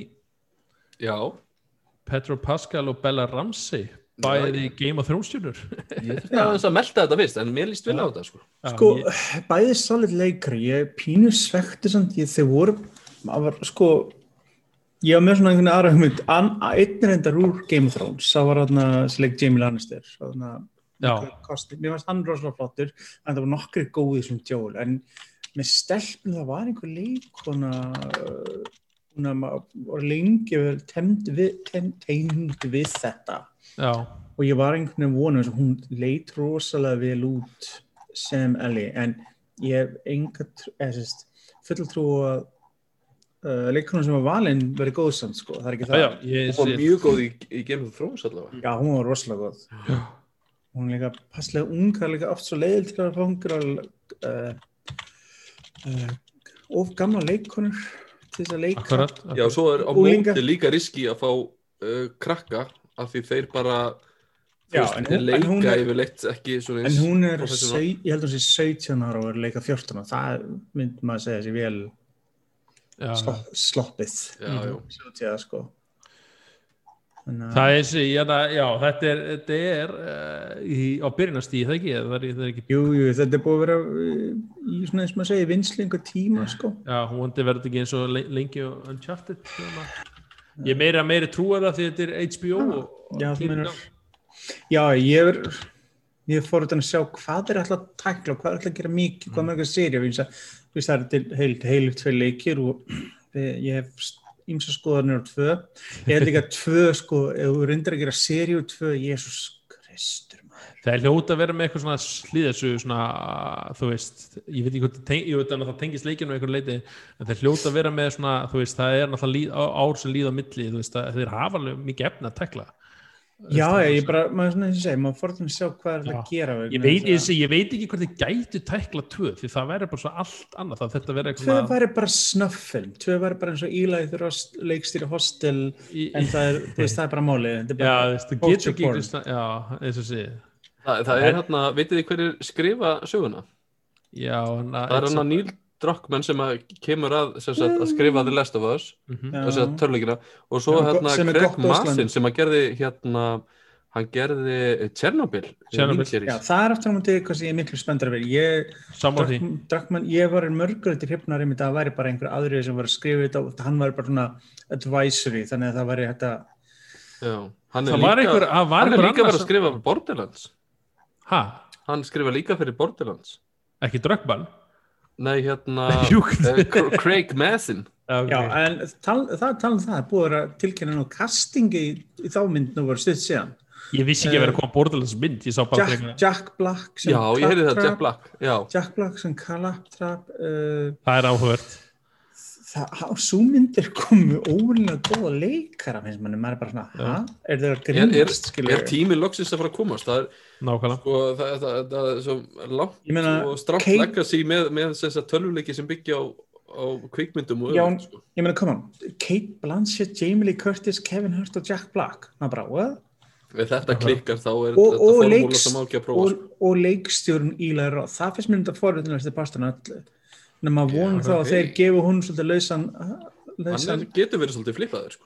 já, og líka hann getur ekki búið til horror og dót, alls Já. veist, maður hugsa með sér, þú veist, ef þetta er vel gert þá var þetta að gera rosalega skemmt að Nákvæmlega. bíumund út úr þessu Mm. en síðan líka hægt að klúður þessu stórfenglega eins og svo oft er þess að ég ætla bara nú, þess að- Sín okkur í, í útvarpi Nei, tjók. hvers Herði, hérna, í, já uh, uh, ef við ekki bara eins og segja enda þessu á, á þessu orðum, hérna alla þáttinn hann að Uh, við erum búin að tekla svolítið mikið. Fórum alveg fyrir Resident Evil í Xbox og, og, og Bass Effect og Medium og, og já, þannig að Þáttur eru ekki margir leikir að koma út þannilega þessi Nei, nei, það, það er alltaf eitthvað að þess að segja gaman að þið komið með þetta að gleyma eins að Stadia, þið komið að segja það þannig að ef þú ert eitthvað Stadia hérna, hérna, hérna fan number one, þá ert ekki vona mjög miklu, nei, tjó. Nei, nei, ég segi svona, heyrðu, hérna, já, ég vil bara þakka kella fyrir hlusturuna bara og vonandi að þið hafi haft gaman að þessu eins og alltaf og ég vil bara eh, minna á Zelda þáttin, hérna, sem hann kom út í hérna bara fyrir stuttu líka. Þannig að áhuga, áhuga þeirri serju eða bara svona kynnast þeirri serju þá bara, eins og segi, við komum djúpt í það og djúpt í hana og var, er eitthvað sem ég vilja bæta við? Já, ég er bara að teka undir með að tjekka á selda þetta Ég er nefnilega, Já, sko, ég býð eftir þættir já, ég er nefnilega, sko, hef ekkert verið mikill seldakall og hérna hef ekki alveg verið að detti í þetta. Mér var samt mjög gaman að hlusta á okkur tala um þetta og maður fær alveg svona, hm, ég ætti kannski að fara að tjekka aftur á þessu, sko. Akkurat, það er svona, hérna, þetta eru svona miklu góði vini mínir uh, Gilvi og, og hérna Ottur og hérna uh, já, við, svona ég kynntist þeim í hérna, eitthvað hluti til FS og svo lá, lá, leiður okkur saman að því við fílum allir selta þetta er svona alignments in the stars sem maður segir. Það er bara svo lis og, og, og það er einhvern veginn svona, já og, og þetta er mikið áhugamál og, það eru bígerð að gera jáfnvel fleiri þetti um selta og hafa kannski svona bara svona hliðarserju og, og, og nýta einmitt leikjörp í það því að við erum með frábært base, skemmtilegt hlustunarbase hérna. Já, ég hins og segi, ég hef er þetta ekki bara fín lókvarð? Ég held það bara Herðu, bestu, já, verið markblessi og við bara sjáumst fljótlega aftur með skemmtilegt fréttir. Þetta. Gerum það, bless, bless Bless. Bless.